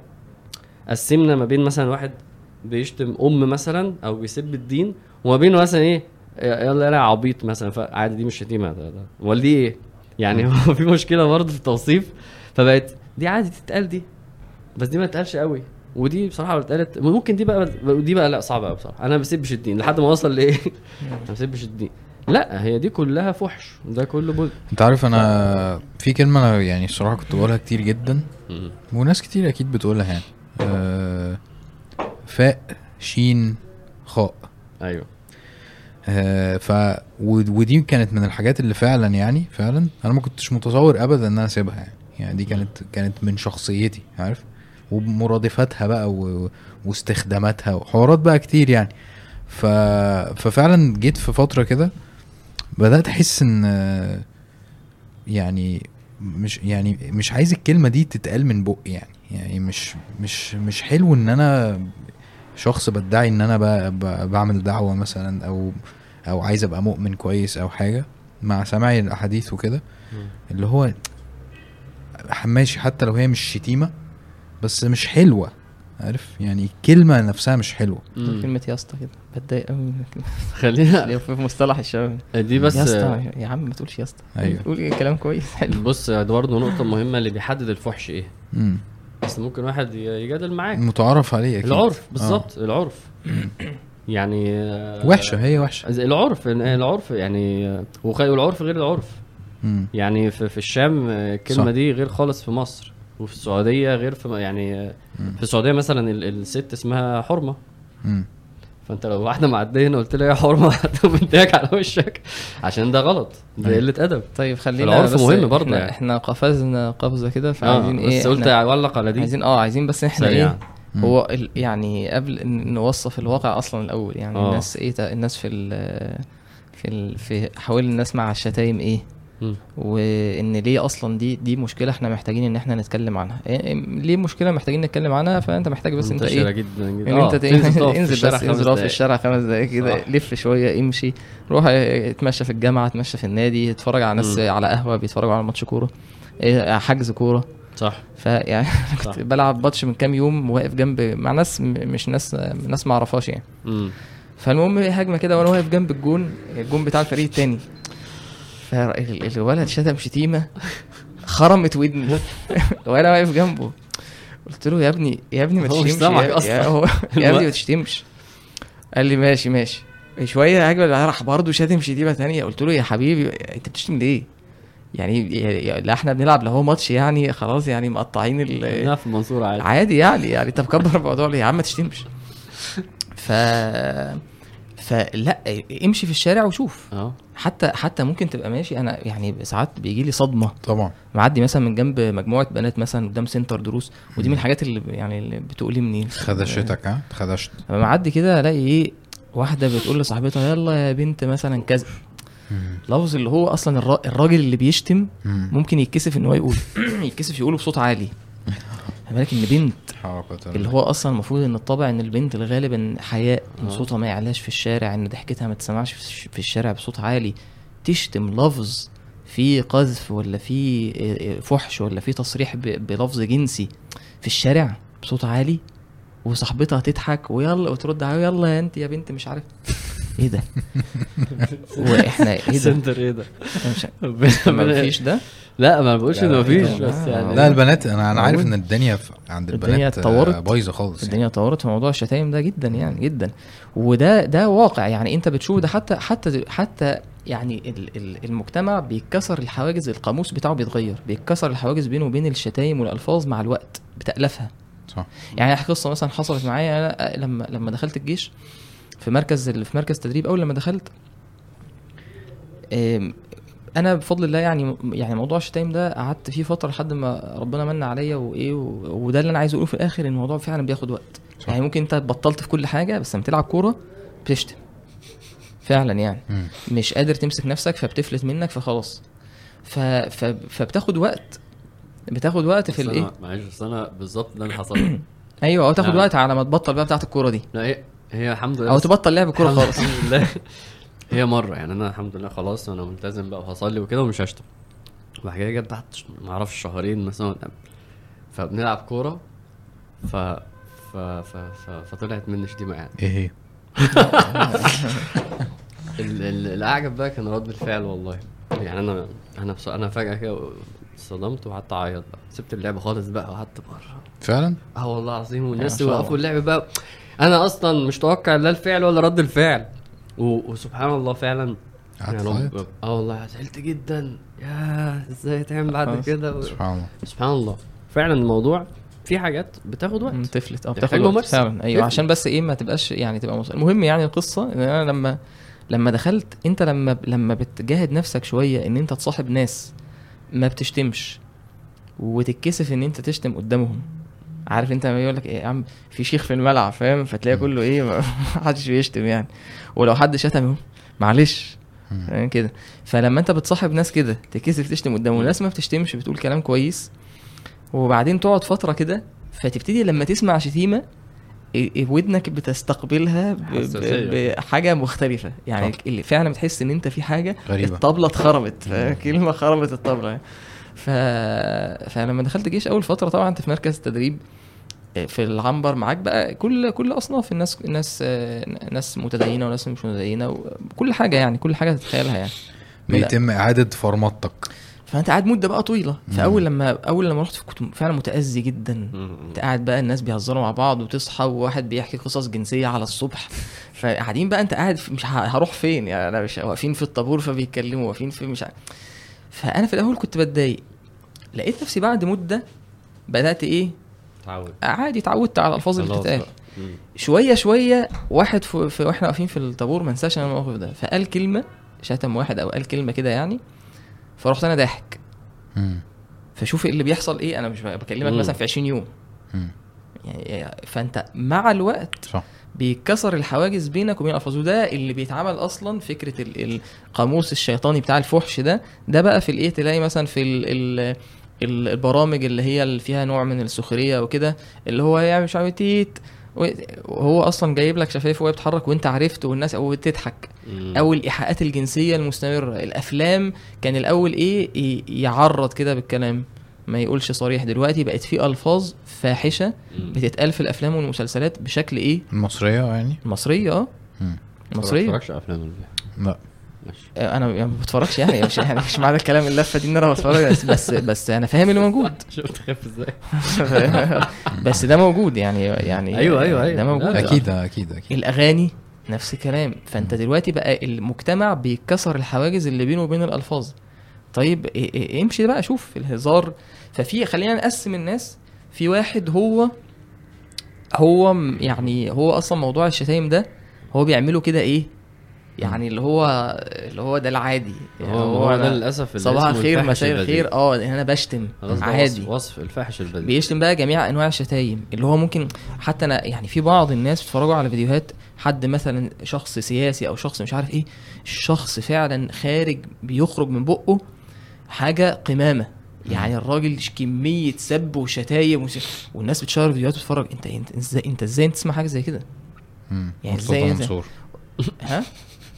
مش مشكلة مش عايزين نقول أسماء يعني مش ماشي. مش مش إحنا في مش مواضع تسمية يعني بس هو يعني بتكلم عموما يعني. ما باله اقوام يعني ف فالشاهد إن إيه يعني بتسمع ألفاظ فلا في واحد هو بيشتم عادي هو بالنسبة له إيه ده هو ده عادي ما عنديش مشكلة. في واحد إيه بيشتم وهو بيهزر مثلا هو عايز يهزر مع حد فعايز يبقى في نوع من التقارب أو إن هو فيقول نكتة مثلا جنسية فيقول حاجة فيها نوع من إيه شتيمة أو يهزر. يا عم مش عارف إيه أو بيكسر حاجز مثلا يا جماعة أنا جامد وبعرف أشتم كده يعني. في واحد بيشتم لما بيتعصب. يعني في, لما بيتعصب فبيفلت لسانه بيفلت فبيشتم وبيسب ويشتم خطيبته ويشتم مراته ويشتم عياله ويسب وتلاقي الشخص اللي انت قاعد معاه تحول الالفاظ آه، في يعني في غاية القذارة يعني. فدي أصناف الناس. فأنت بقى إيه شوف أنت إيه يعني مش أنت أنت اللي هو يعني عموما يعني شوف أنت في أي إيه في أي مرحلة لأن ده هيفرق. لو واحد اتعود على الشتايم ده آه تعالى بقى إيه نعالج ده إزاي؟ هي دي النقطة اللي إحنا بقى بعدين نرجع تاني. مم. إيه بقى ال- ال- الموضوع ده قد إيه خطورته؟ الموضوع ده أثره عليا إيه؟ أثره على الناس أثره في المجتمع أثره في الآخرة. فده الايه دي النقطة اللي إحنا عايزين ليها بقى. ماشي. آم، فارق معايا إن أنا آه، أقول يعني أحد ال- ال- الدوافع اللي هي صح؟ الدوافع؟ آه، آه، انت عايز تقول الدوافع عايز النفسية؟ عايز أقول حاجة بس في النفس آه هو ليه الواحد بيشتم؟ يعني هو هو ليه واحد يشتم؟ بعيدا عن إن هو اتعود هو ليه أصلا بدأ ومكمل؟ فبشوف إنه في في النفس كده النفس إن الإنسان لا يطغى نفس نفس عايزة تطغى. فبحس إنه ده جزء من الطغيان. بمعنى الشتيمة أنا شايف إن هي فيها تجرؤ. يعني هو الكلام ده غلط. الكلام ده الناس بتقوله ما تقولوه إن الكلام ده بينهونا عنه يعني إحنا صغيرين الكلام ده ما يتقالش. الكلام ده كذا. فاللي فهو بيوصل لمرحلة أنا عايز أتحرر. أنا عايز آه أنا عايز أستعلى. يعني هم بيقولوا لي ما تقولش أنا بقول بقى. وفي ناس أنا بقول بصوت عالي. أنا بقول اللي هم بيقولوا ده أصعب حاجة ما تتقالش. أيوة. اللي بيسب الدين ده هو عارف كويس جدا إنه المجتمع بيقول إنه دي أغلط حاجة ممكن تتقال. مين هيعمل لي إيه؟ آخرك آه. إيه؟ بتاع فأنا آه. بعملها وبعملها كتير. صح. وبعلي صوتي. وما بب... وأي حد بشوفه بقول له. أنا بحس إنه ده جواه كده نفسه بتقول له أنا عايز أتجرأ وعايز أتحرر وعايز أستعلى. آه, آه الفطرة ب... هم بيقولوا إن ده ما بيتعملش هم هم ما بيعرفوش يعملوه أو مش عايزين أنا بقى بعمله. أنا بحس بده جدا مم. مع الشخص أنت يا ابني بتشتم ليه؟ أنا اتعودت وك... لا لا يعني في level كده ال level دي مكتوبه اللي يتقال ينفع يتقال. خلينا نقول القاعدة دي ماشي. positive و negative ففي ففي في في حتة كده أنا بشوفها في ده. زي ان انت بتقول واحد بتشتم ليه ما, ما انت ممكن عادي مش بقول لك ما تشتمش خالص انت دلوقتي بالذات وليه كل مرة إيه؟ وليه في كل جملة ثلاث أربع ش... وليه ال level العالي ده تحس إنه لا لا ده نفسه فيها مشكلة كبيرة ده ده, ده دي من الحاجات اللي على فكرة كلمة آه، الكلمة اللي أنا قلتها دي آه اللي هي في آه مش آه، عارف أقولها آه. ولا لأ يعني لا فاهم. فاهم أنا قصدك. أنا أنا كنت عارف كان الناس بتقعد تقول لي فهمت طب. أنت بتقولها أنت ليه ماسك بتاع فيها ليه؟ آه عشان أيوة. عشان دي تبقى اللي هو إيه حتة كده ما حدش يض... ما... حدش يقدر يسيطر عليا. فاهم. فاهم قصدي؟ فاهم قصدي. محدش يقدر يحط يحطني في في في حتة كده اللي هو لأ. أنتم فاهم؟ آه ده ده ده ده, ده حتة كده بينه وبين نفسه. ال- الحتة التانية من الدوافع ودي أظن ظاهرة جدا إن هو في عنده أمراض قلوب. أنا بشوف إنه أصل هو أصل من الآخر لما أنا أشتم واحد آه، أنا بتكبر عليه أنا ب- ب- ب- بنتقم منه أنا بستعلى عليه. هو هو نفسه الشخص آه، فيها حتة كده. امراض قلوب. أيوة ممكن طبعاً. واحد بحسده فبشتم. آه، زي ما انت قلت بيتعصب فبيشتم. آه، واحد عايز واحد بيبغضه فبيشتم. فهي دايما الشتيمة وسيلة للتعبير عن مرض قلبي. يا إما أنا أنا كده وكده اجمد منك فخد الشتيمة دي. يعني اللي شتم هو اللي فوق. ف... عشان كده لازم يرد عليه. هو هو هو ما ينفعش واحد يتشتم ويقوم ده. هو لازم يرادد. لازم يرد لحد ما واحد فيهم بيغلب التاني. يعني أنت لو فاكر عادات الشباب لحد ما واحد فيهم ممكن أنا فاكر المواقف دي نشتم نشتم نشتم بعد كده يشتمك مثلا بالأم مشت... انت إيه يا ابني ده ويقوم يتخانق فاكر الخناقات. اللي هي بتيجي بسبب لا أنت تجاوزت الحد في الشتايم. أنت دخلت ب... ليه؟ ما تغلبنيش أنت أصلا ما تغلبنيش فالاحتقار والتنفيس عن ال- ال- ال- الحسد وال والاستعلاء والك... ده كله امراض قلوب انت. بتقلل من نفسك جدا أصلا لو شتمت في طبعاً. الشارع طبعا ده ده أكيد فعلاً. بقى يعني بس بحب- ليه بتحصل؟ أنا بقول لك أنا بحاول أفكر ليه عاده شباب بيهزروا ويقوموا عاملين كده. لا هو يا إما واحد بيتعصب زي ما أنت قلت بقى وغ- وغضب وانتقام وفي الكورة وفي الشارع بس فيها جانب بقى مرض قلبي اللي هو أنت ليه بتشتم وأنت بتتكلم عادي؟ يعني ليه بتشتم وأنت أصلا بتضحك يعني. بتضحك وبتشتم. ليه؟ ليه؟ ليه اتنين صحاب يقعدوا رايحين جايين؟ فيها فيها مشكلة في القلوب. فيا إما عنده طغيان يا إما عنده مشكلة في القلوب. الحاجتين دول أنا شايفهم جدا جدا. أنت قلت كبر مش كده؟ أمراض القلوب عمال ممكن أنا بحسدك.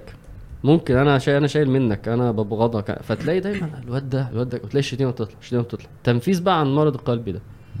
فده ظاهر جدا. تنفيس أنا المر... حلوة كلمة تنفيس دي قوي ما أنا بغير بقى اللغة. بتفرق والله صح. ف... تنفيس حلوة. فيعني دي من الدوافع أنا عايز ناس تفكر فيها. تعرف أنا عشان- أنا عندي مشكلة بقى؟ مم. إن أنا ممكن أكون ما بشتمش قوي آه، بالعربي. مم. بس مش عارف ليه الانجليزي. عارف الشيطان بيلعب معايا لعبة انه إيه؟ شتيمة خفيفة دي. آه بيحسسني ان هي ما بتتحسبش مثلا. ما بتيجي في الترجمه دي. اللعنة. لا لا صح آه. فاهم؟ دي دي عندي مشكلة قوي فيها عش... الصراحة. عش... بص هي فكرة مش عايز أقعد أعترف ب الفحش والبذاءة دي يعني تعرفها حاجة وتوصيفها حاجة خلاص. فإحنا فاهمين إن هي الكلام الوحش الكلام الغلط. فمنه الشتايم منه مثلا الإيحاءات الجنسية؟ منه ويجي حاجات بقى جواه أوحش من حاجات وحاجات اصعب من حاجات بس ال- العرف بيوصف لك كويس جدا إيه الحاجة الغلط وإيه الحاجة الصح لما أنت عايز أحط في الفحش والبذاءة ولا لأ. وأهم حاجة يحركني بجد والله إنه مش انه ساعات إن الله لا يحب إن الله كاره لكم إنما إن الله يبغض دي. آه، أنت هتمشي في الشارع ربنا ربنا بيبغضك فخلي بالك جدا من دي وان النبي صلى الله عليه وسلم ما, ما يقعدش معاك ثانية لو لو لو شافك بتعمل كده. لا الكلام ده يبقى دافع قوي جدا أنا أنا بقى أعرف ده فحش ولا بذاء ولا لأ وأتجنبه طيب خلينا مم. آه، يعني نقول آه، إيه العواقب. طبعا آه، الشخص اللي هو اللي بيشتم مم. اللي هو اتعود على الشتيمة وقرر إن هو مش هيحاول إن هو يوقف ولا يجاهد نفسه ولا يعني خلاص استسلم لموضوع إن هو خلاص. إن هو بيشتم يعني. سواء في عصبية سواء في الهزار. آه، سواء في هو بيتكبر على حد وعايز يقول له إن أنا أعلى منك حد أقل منه في المستوى الاجتماعي أو في المستوى المادي صح. حد فوقه. فهو ده نوع من الايه م- من التسلط على الناس يعني. يعني سليط اللسان ده. مم. ف... فلازم أول حاجة إن أنت تفهم إن من أسماء الله سبحانه وتعالى السميع. مم. من أسماء الله الحفيظ. والنبي عليه الصلاة والسلام قال آه، إن مما أدرك الناس من كلام النبوة الأولى إذا لم تستحي فاصنع ما شئت فلو الإنسان ما عندوش حياء إن هو الكلام اللي هو بيقوله ده ربنا سبحانه وتعالى يسمعه وإن الكلام ده يحفظ والإنسان يسأل عليه في يوم القيامة مم. يعني ده ده ده تصور إن الإنسان هيقف قدام ربنا سبحانه وتعالى ويقرأ يعني الشتايم دي مكتوبة مم. قال تعالى وإن عليكم لحافظين كراما كاتبين يعلمون ما تفعلون مم. وربنا سبحانه وتعالى قال وكل إنسان ألزمناه طائره في عنقه ونخرج له يوم القيامة كتابا يلقاه منشورا اقرأ كتابك كفى بنفسك اليوم عليك حسيبا وربنا سبحانه وتعالى قال آه، آه، في في سورة في سورة قاف آه، ما يلفظ. يلفظ من قول إلا لديه رقيب عتيد ما يلفظ من قول إلا لديه رقيب عتيد. فكل كلمة أنت بتقولها الشتايم دي سواء بهزار أو مش بهزار دي مكتوبة. وهتقف قدام ربنا وتسأل عنها. لو ما اقرأ- تبتش اقرأ منها. كتابك. آه اقرأ كتابك. فده ده معنى الحياء من ربنا سبحانه وتعالى. الحياء من. الملائكة. الملائكة ش- تخيل كده أنت إزاي بتؤذي إذا. كان الرائحة مم. الرائحة السيئة بتؤذي الملك. والنبي عليه الصلاة والسلام قال إن الملائكة تتأذى مما يتأذى منه بنو آدم. سبحان الله. فما بالك بالملك اللي هو الملك قاعد. تعب. وإنت قاعد إنت مؤذي. حتى لو إنت قاعد لوحدك أو في العربية لوحدك ممكن آه تشتم. وما كنتم. تستترون. ربنا سبحانه وتعالى إيه إيه يعني فكرة فكرة س- معنى السميع والحفيظ. أثر ده الإيماني على الإنسان. هو خد بالك الكلام اللي أنت بتقوله ده ربنا سبحانه وتعالى يسمعه. عارف زي مثلا تخيل أنت لو قاعد مع النبي عليه الصلاة صلى والسلام الله عليه وسلم. هل ممكن أنت تشتم تقول الألفاظ دي قدامه؟ تستحي. مستحيل. تتكسف. تتكسف. سيبك بقى مش عارف امسك نفسي ومش عارف انت بتعرف تمسك نفسك. حتى لو انت قدام شيخ. يا عم انت حتى قدام أبوك. هو حد عمره غلط فينا وشتم قدام أبوه غلط؟ سؤال. فكرة اللي بيقول أنا مش عارف إن أنا أسيطر على نفسي والشتايم بتطلع غصب عني. بص ده أنت لما بتبقى في مكان مش مسموح إن أنت تشتم فيه. زي مثلا أنت في شركة مثلا آه، وليك وأنت ليك مكان. وما ينفعش أنت تشتم. لأن ده ده مش ده مش في في في الشغل. أنت ما ينفعش تشتم كده. يعني 500 مش مسموح إن أنت تشتم هنا. 500 بس واحد صاحبي هو قدنا فهو مدرس يعني. فهو معدي فلقى العيال بتقول لبعض 500 500 دي ما تشتمش. هي. عندنا كده. آه 500 دي ما حدش يشتم في حد معدي بكلم ماما 500 أيوة. هي هي معرفش طلعت ليه كده من تمام. 20 سنة. فا آه ف... فهو عارف إن هو لأ يعني أنت بتعرف تمسك نفسك. ف... فالشتايم وده ده معنى الحديث اللي أنت قلته من الدوافع ليها ضعف الإيمان. يعني أنت محتاجين بقى نبص لها على حقيقتها. امم أنت ناسي إن ربنا أيوه صح. آه آه سميع. صحيح. وأنت ناسي إن الكلام ده بيكتب وناسي إن أنت هتسأل عنه. وعشان كده انت قلت في بدايه الحديث ليس المؤمن ليس المؤمن بالطعان ولا اللعان ولا الفاحش ولا البذيء. لأن الإيمان بيقول لك إيه؟ إن ربنا سميع وإن ربنا حفيظ. ده معنى. المعنى التاني سوء الحساب. إحنا قلنا في الحلقة اللي فاتت حديث المفلس مش عايز أعيده تاني. بس في يأتي وقد شتم هذا. ده النبي عليه الصلاة والسلام قال إن هو مفلس. شتم يعني هو ماشي فشتم ده وقذف ده. فلانة دي كذا زانيه مت- متصور ده؟ متصور إن ده يبقى يعني هو في اليوم كده قذف له ثلاثة أربعة. إيه، ده صعب. ربنا سبحانه وتعالى قال إن الذين يرمون المحصنات الغافلات إيه إيه إن, المؤمن. إن الذين يرمون المحصنات الغافلات المؤمنات لعنوا في الدنيا والآخرة ولهم عذاب عظيم. يوم تشهد عليهم ألسنتهم وأيديهم وأرجلهم بما كانوا يعملون. يومئذ يوفيهم الله دينهم الحق ويعلمون أن الله هو الحق المبين بعدين ربنا قال بعد إيه؟ الخبيثات للخبيثين والخبيثون للخبيثات. يعني الكلمة الخبيثة ما تطلعش غير من شخص إيه؟ هو شخص قلبه خبيث عنده مشكلة. والطيبات للطيبين والطيبون للطيبات. الكلمة الطيبة ما تطلعش غير من شخص الطيب ف فافتكر ده. إن ربنا سميع إن أنت هتسأل تقف قدام ربنا وتسأل عن الكلمات دي ليه إن أنت قلت بس أنا ما؟ أذيتش بيها حد. يعني ممكن أكون في عربيتي مثلا. مين اللي قال كده؟ آه أنت ما هو هو ده ده هيجيبك لنقطة يا جماعة ده ده خلق. الخلق ده ده بيكون شيء الإنسان متطبع عليه. يعني زي ما عامر قال اللي هو أنا مش هينفع إن أنا أنا ما دام في العربية بشتم وبره العربية ما بشتمش. أنت هتبقى واحد فيهم. يعني في واحدة أنا ما بشتمش. هتاخد من التانية. خلاص نقطة. أنا لساني ما بيشتمش. بعود لساني على الكلام الجميل. ال- ال- اللسان ده ما ينفعش إن هو يسب ويشتم.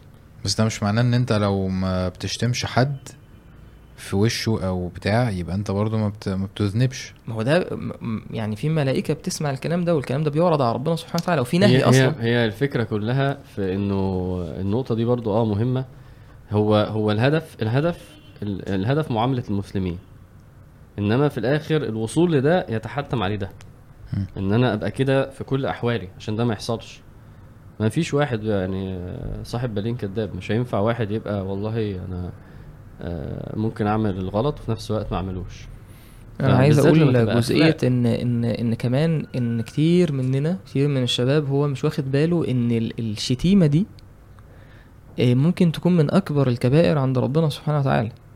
وفي في الحديث إن النبي عليه الصلاة والسلام قال إن من أكبر الكبائر أن يلعن الرجل والديه. فقيل يا رسول الله كيف يلعن الرجل والديه؟ وفي حد يعني عاقل. هي هيلعن يلعن أباه ويلعن أمه. فقالوا كيف يلعن الرجل والديه؟ فقال يسب الرجل أبا الرجل. هو يشتمه بأبوه. فيقوم التاني أنت شتمتني بأبويا وشتمتني بأمي. وأنا أنا هسكت. فيقوم إيه؟ يرد. هو بيهزر أو مش بيهزر. ف... فعشان هو استجلب اللعن والشتيمة لأبيه هو اللي ولأمه فتح لهم الباب. هو اللي فتح الباب. آه. يسب الرجل أبا الرجل فيسب أباه ويسب أمه. فده النبي عليه الصلاة والسلام قال إن ده ده من أكبر الكبائر.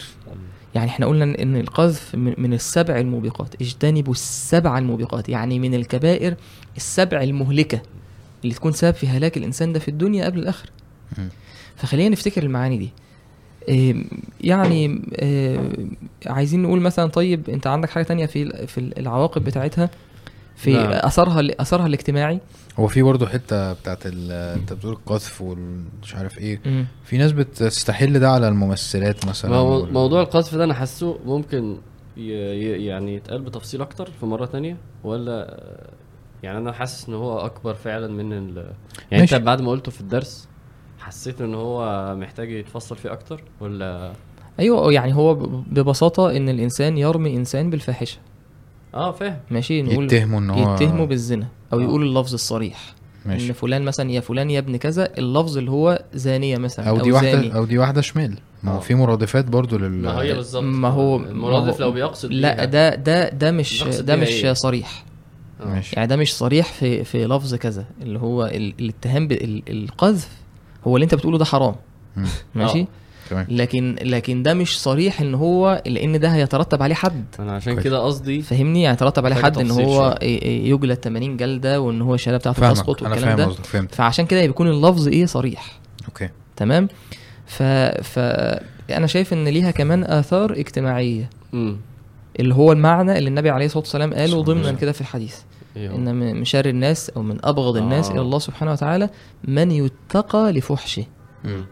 يعني في شخص أنت خايف تتكلم معاه خايف تتعامل معاه لأن هو لسان وحش مم. فأنت عايز تسلم من سوء اللسان ده من صح. سلم المسلمون من لسانه ويده مم. المسلم من سلم المسلمون من لسانه ويده فهو اللي يتقى لفحش ده ده شر الناس منزلة عند الله سبحانه وتعالى بص أنت لو أنت لو عملت قعدتين كده أربع خمس شباب أربع خمس شباب.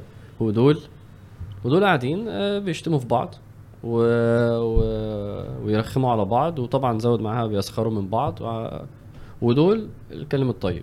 يعني دول ما بيعملوش كده. وبيتكلموا عملت إيه ورحت فين ويضحكوا ويهزروا ويقول له كلمة حلوة وواحد جه يسلم عليه. هو ده المجتمع بقى كبر بقى ال... الكلام ده. شوف الفرق بين ده وما بين ده.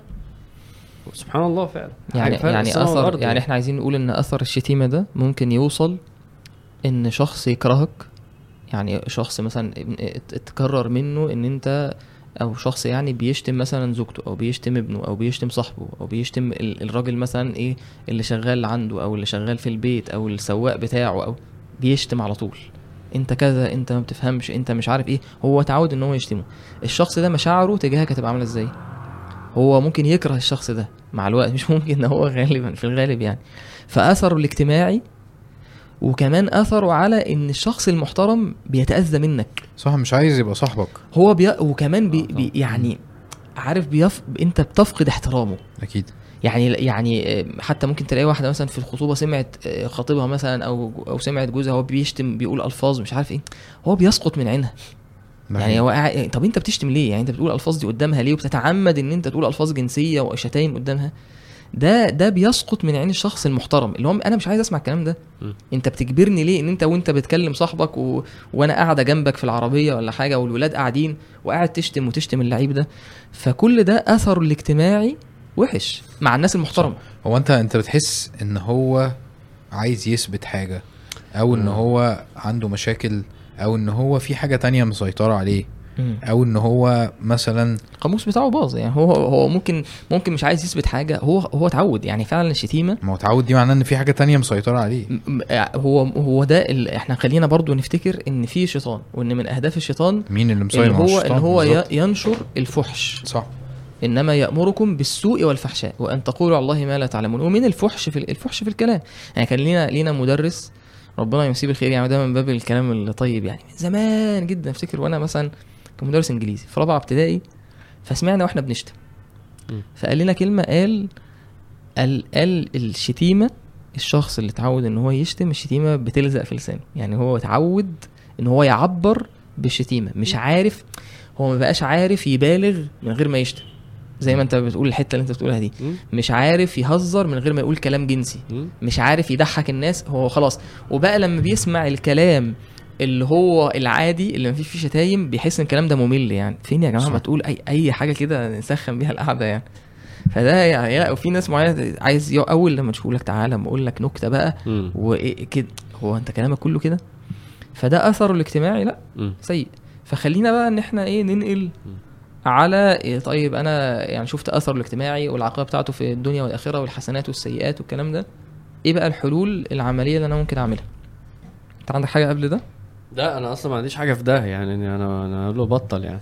هو أنا أنا حاسس إن إحنا محتاجين لا لا مش من باب والله نربط، آه، تهميش من باب يعني. محتاجين نربط إحنا في الأول اتكلمنا على ال- الكلام الكلام الطيب. وآثاره الإيجابية. على الناس. فكنت بس عايز ألفت النظر لآثار الشتيمة السلبية برضو على الناس ماشي يعني يعني إيه غير الشريف قاله قصدك إيه؟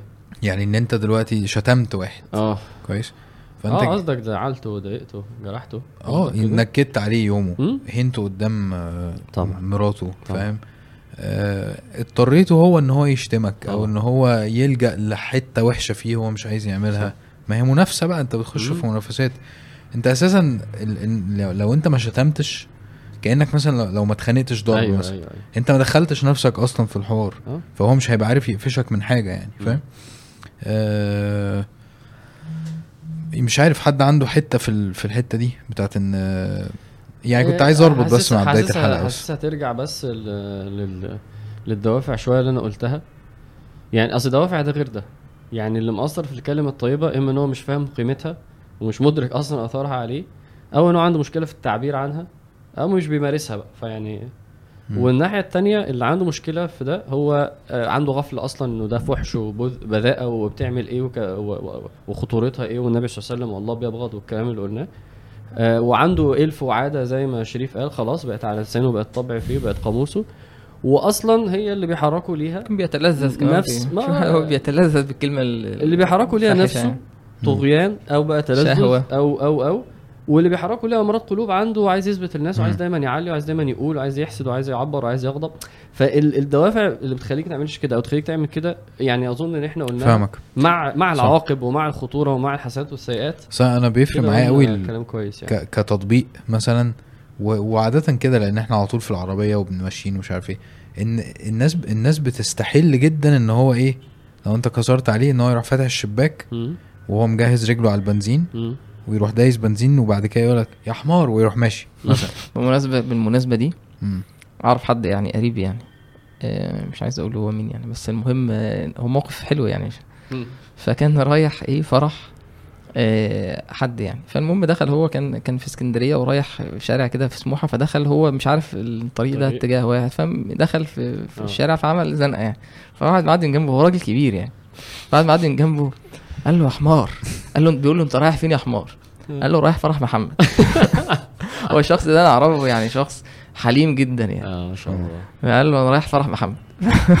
فهو إيه ده اللي أنت تقول فعلا إن هو خلاص تدي لنفسك حق إن أنت اللي قدامك غلط فعادي إن أنا إيه عادي إن أنا أستبيح إن أنا أشتمه يعني. مم. ماشي؟ وإن هو آه كم في هتكمل يعني؟ لا. ف و- وان هو عشان هو هي- هيمشي بعربيته؟ خلاص ما أنت مش هيجيبك بقى يعني. بالظبط. يعني يعني بس أنا عايز أقول حاجة برضو. اللي هو قد إيه قد إيه؟ جبان.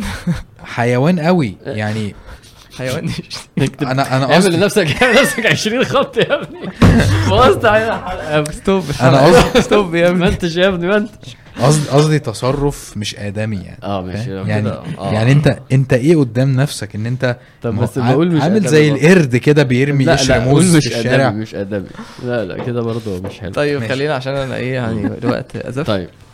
لا قول لي انت لو عندك حلول. أصل أنا الحلول- بصراحة الحلول العملية؟ آه، الموضوع محتاج آه، ممارسة يعني. آه الحلول العملية. أول حاجة إن إحنا قلنا إن هو دايما يفتكر إن ده شيء تقيل جدا في الميزان. النبي. عليه الصلاة والسلام قال ما شيء ما شيء أثقل في ميزان المؤمن يوم القيامة من من من. تقوى الله أو من خلق حسن. وإن الله لا يبغض الفاحش البذيء ففكرة إن أنا أتصور إن الشتيمة دي ممكن تكون سبب إن ربنا سبحانه وتعالى يبغضني دي. تخليني إن أنا أوقف. كويس. يعني وقف في في من الحاجات اللي, اللي تخلي الإنسان برضه يفتكر المعنى ده. وحديث حديث طويل يعني فيه إن النبي عليه الصلاة والسلام قال آه، قال آه، قال رجل سأل النبي عليه الصلاة والسلام أنا بس بختصر الحديث قال عهد إلي. زي اوصني يعني. فقال لا تسبن احدا. قال له ما تشتمش. ففي آخر الحديث النبي عليه الصلاة والسلام قال وإن امرؤ شتمك وعيرك بما يعلم فيك فلا تعيره بما تعلم فيه فإنما وبال ذلك عليه. فالنبي عليه الصلاة والسلام من الآخر قال له إيه؟ قال له ما تشتمش آه. لا تسبن أحد. حتى لو حد شتمك. وقال له لو حد عيرك وشتمك شتمك وعيرك بما فيك بما. يعلم فيك فما تقومش أنت ترد عليه تعيره إيه؟ ده من باب الفضل وحسن الخلق يعني. فدي أول حاجة. الحاجة التانية الصحبة. طبعا. إن الصحبة دي ده ده أساس. صح. إن أنت تحط نفسك في بيئة أنت ما تعرفش تشتم فيها. صح. إن أنت لو شتمت صاحبك هيقول لك أنت في إيه؟ ما امسك لسانك. فإن أنت تتكسف قدام الناس. وده ده دي دي مرحلة كويسة جدا تربي نفسك عليها. م. الحاجة اللي بعد كده إن أنت تكثر من ذكر الله. مم. إن أنت تطرد الشتايم ان أنت تعود لسانك إن أنا قاعد بسبح بستغفر بقول لا حول ولا قوة إلا بالله. بصلي على النبي عليه الصلاة والسلام إن إكثار من الذكر ده يساعد إن اللسان ده يتطهر صح وقراءة القرآن وحفظ القرآن تساعد إن هي تطرد. وتعود إن أنت شوف الألفاظ في ألفاظ معينة هي أنت بالنسبة لك إن أنت دي في ساعة المبالغة في ساعة حتة معينة شوف اختار يعني أنت عارف إن أنا هشيل اللفظ ده علشان لما أجي في ساعة الكلام وأنا مستعجل مش لاقي الإيه. البديل بتاعه. لا انت فكر اقعد مع نفسك فكر قول الكلمة دي اللي هي الفاء دي هشيلها واحط مكانها إيه جدا مثلا. أو قوي كده هحط لها لفظ اللي هو اللفظ الايه طحن. أنا- طحن. لا بلاش لا طحن. لا. لا. بلاش طحن. يعني ألف ألف ال 2002 قوي. بص ال ال ال الشتيمة برضو وال وال والكذب ممكن يكونوا من الحاجات اللي ب ال ال ال ممكن واحد يبقى بياخد وقت عليهم ياخد وقت. ويقع فيهم. ففكرة ال ال ال دول محتاجين إيه؟ محتاجين توبة سريعة محتاجين شغل يعني خلاص واحد عمل خلاص ويرجع تاني محتاج ويتوب. شغل إيماني؟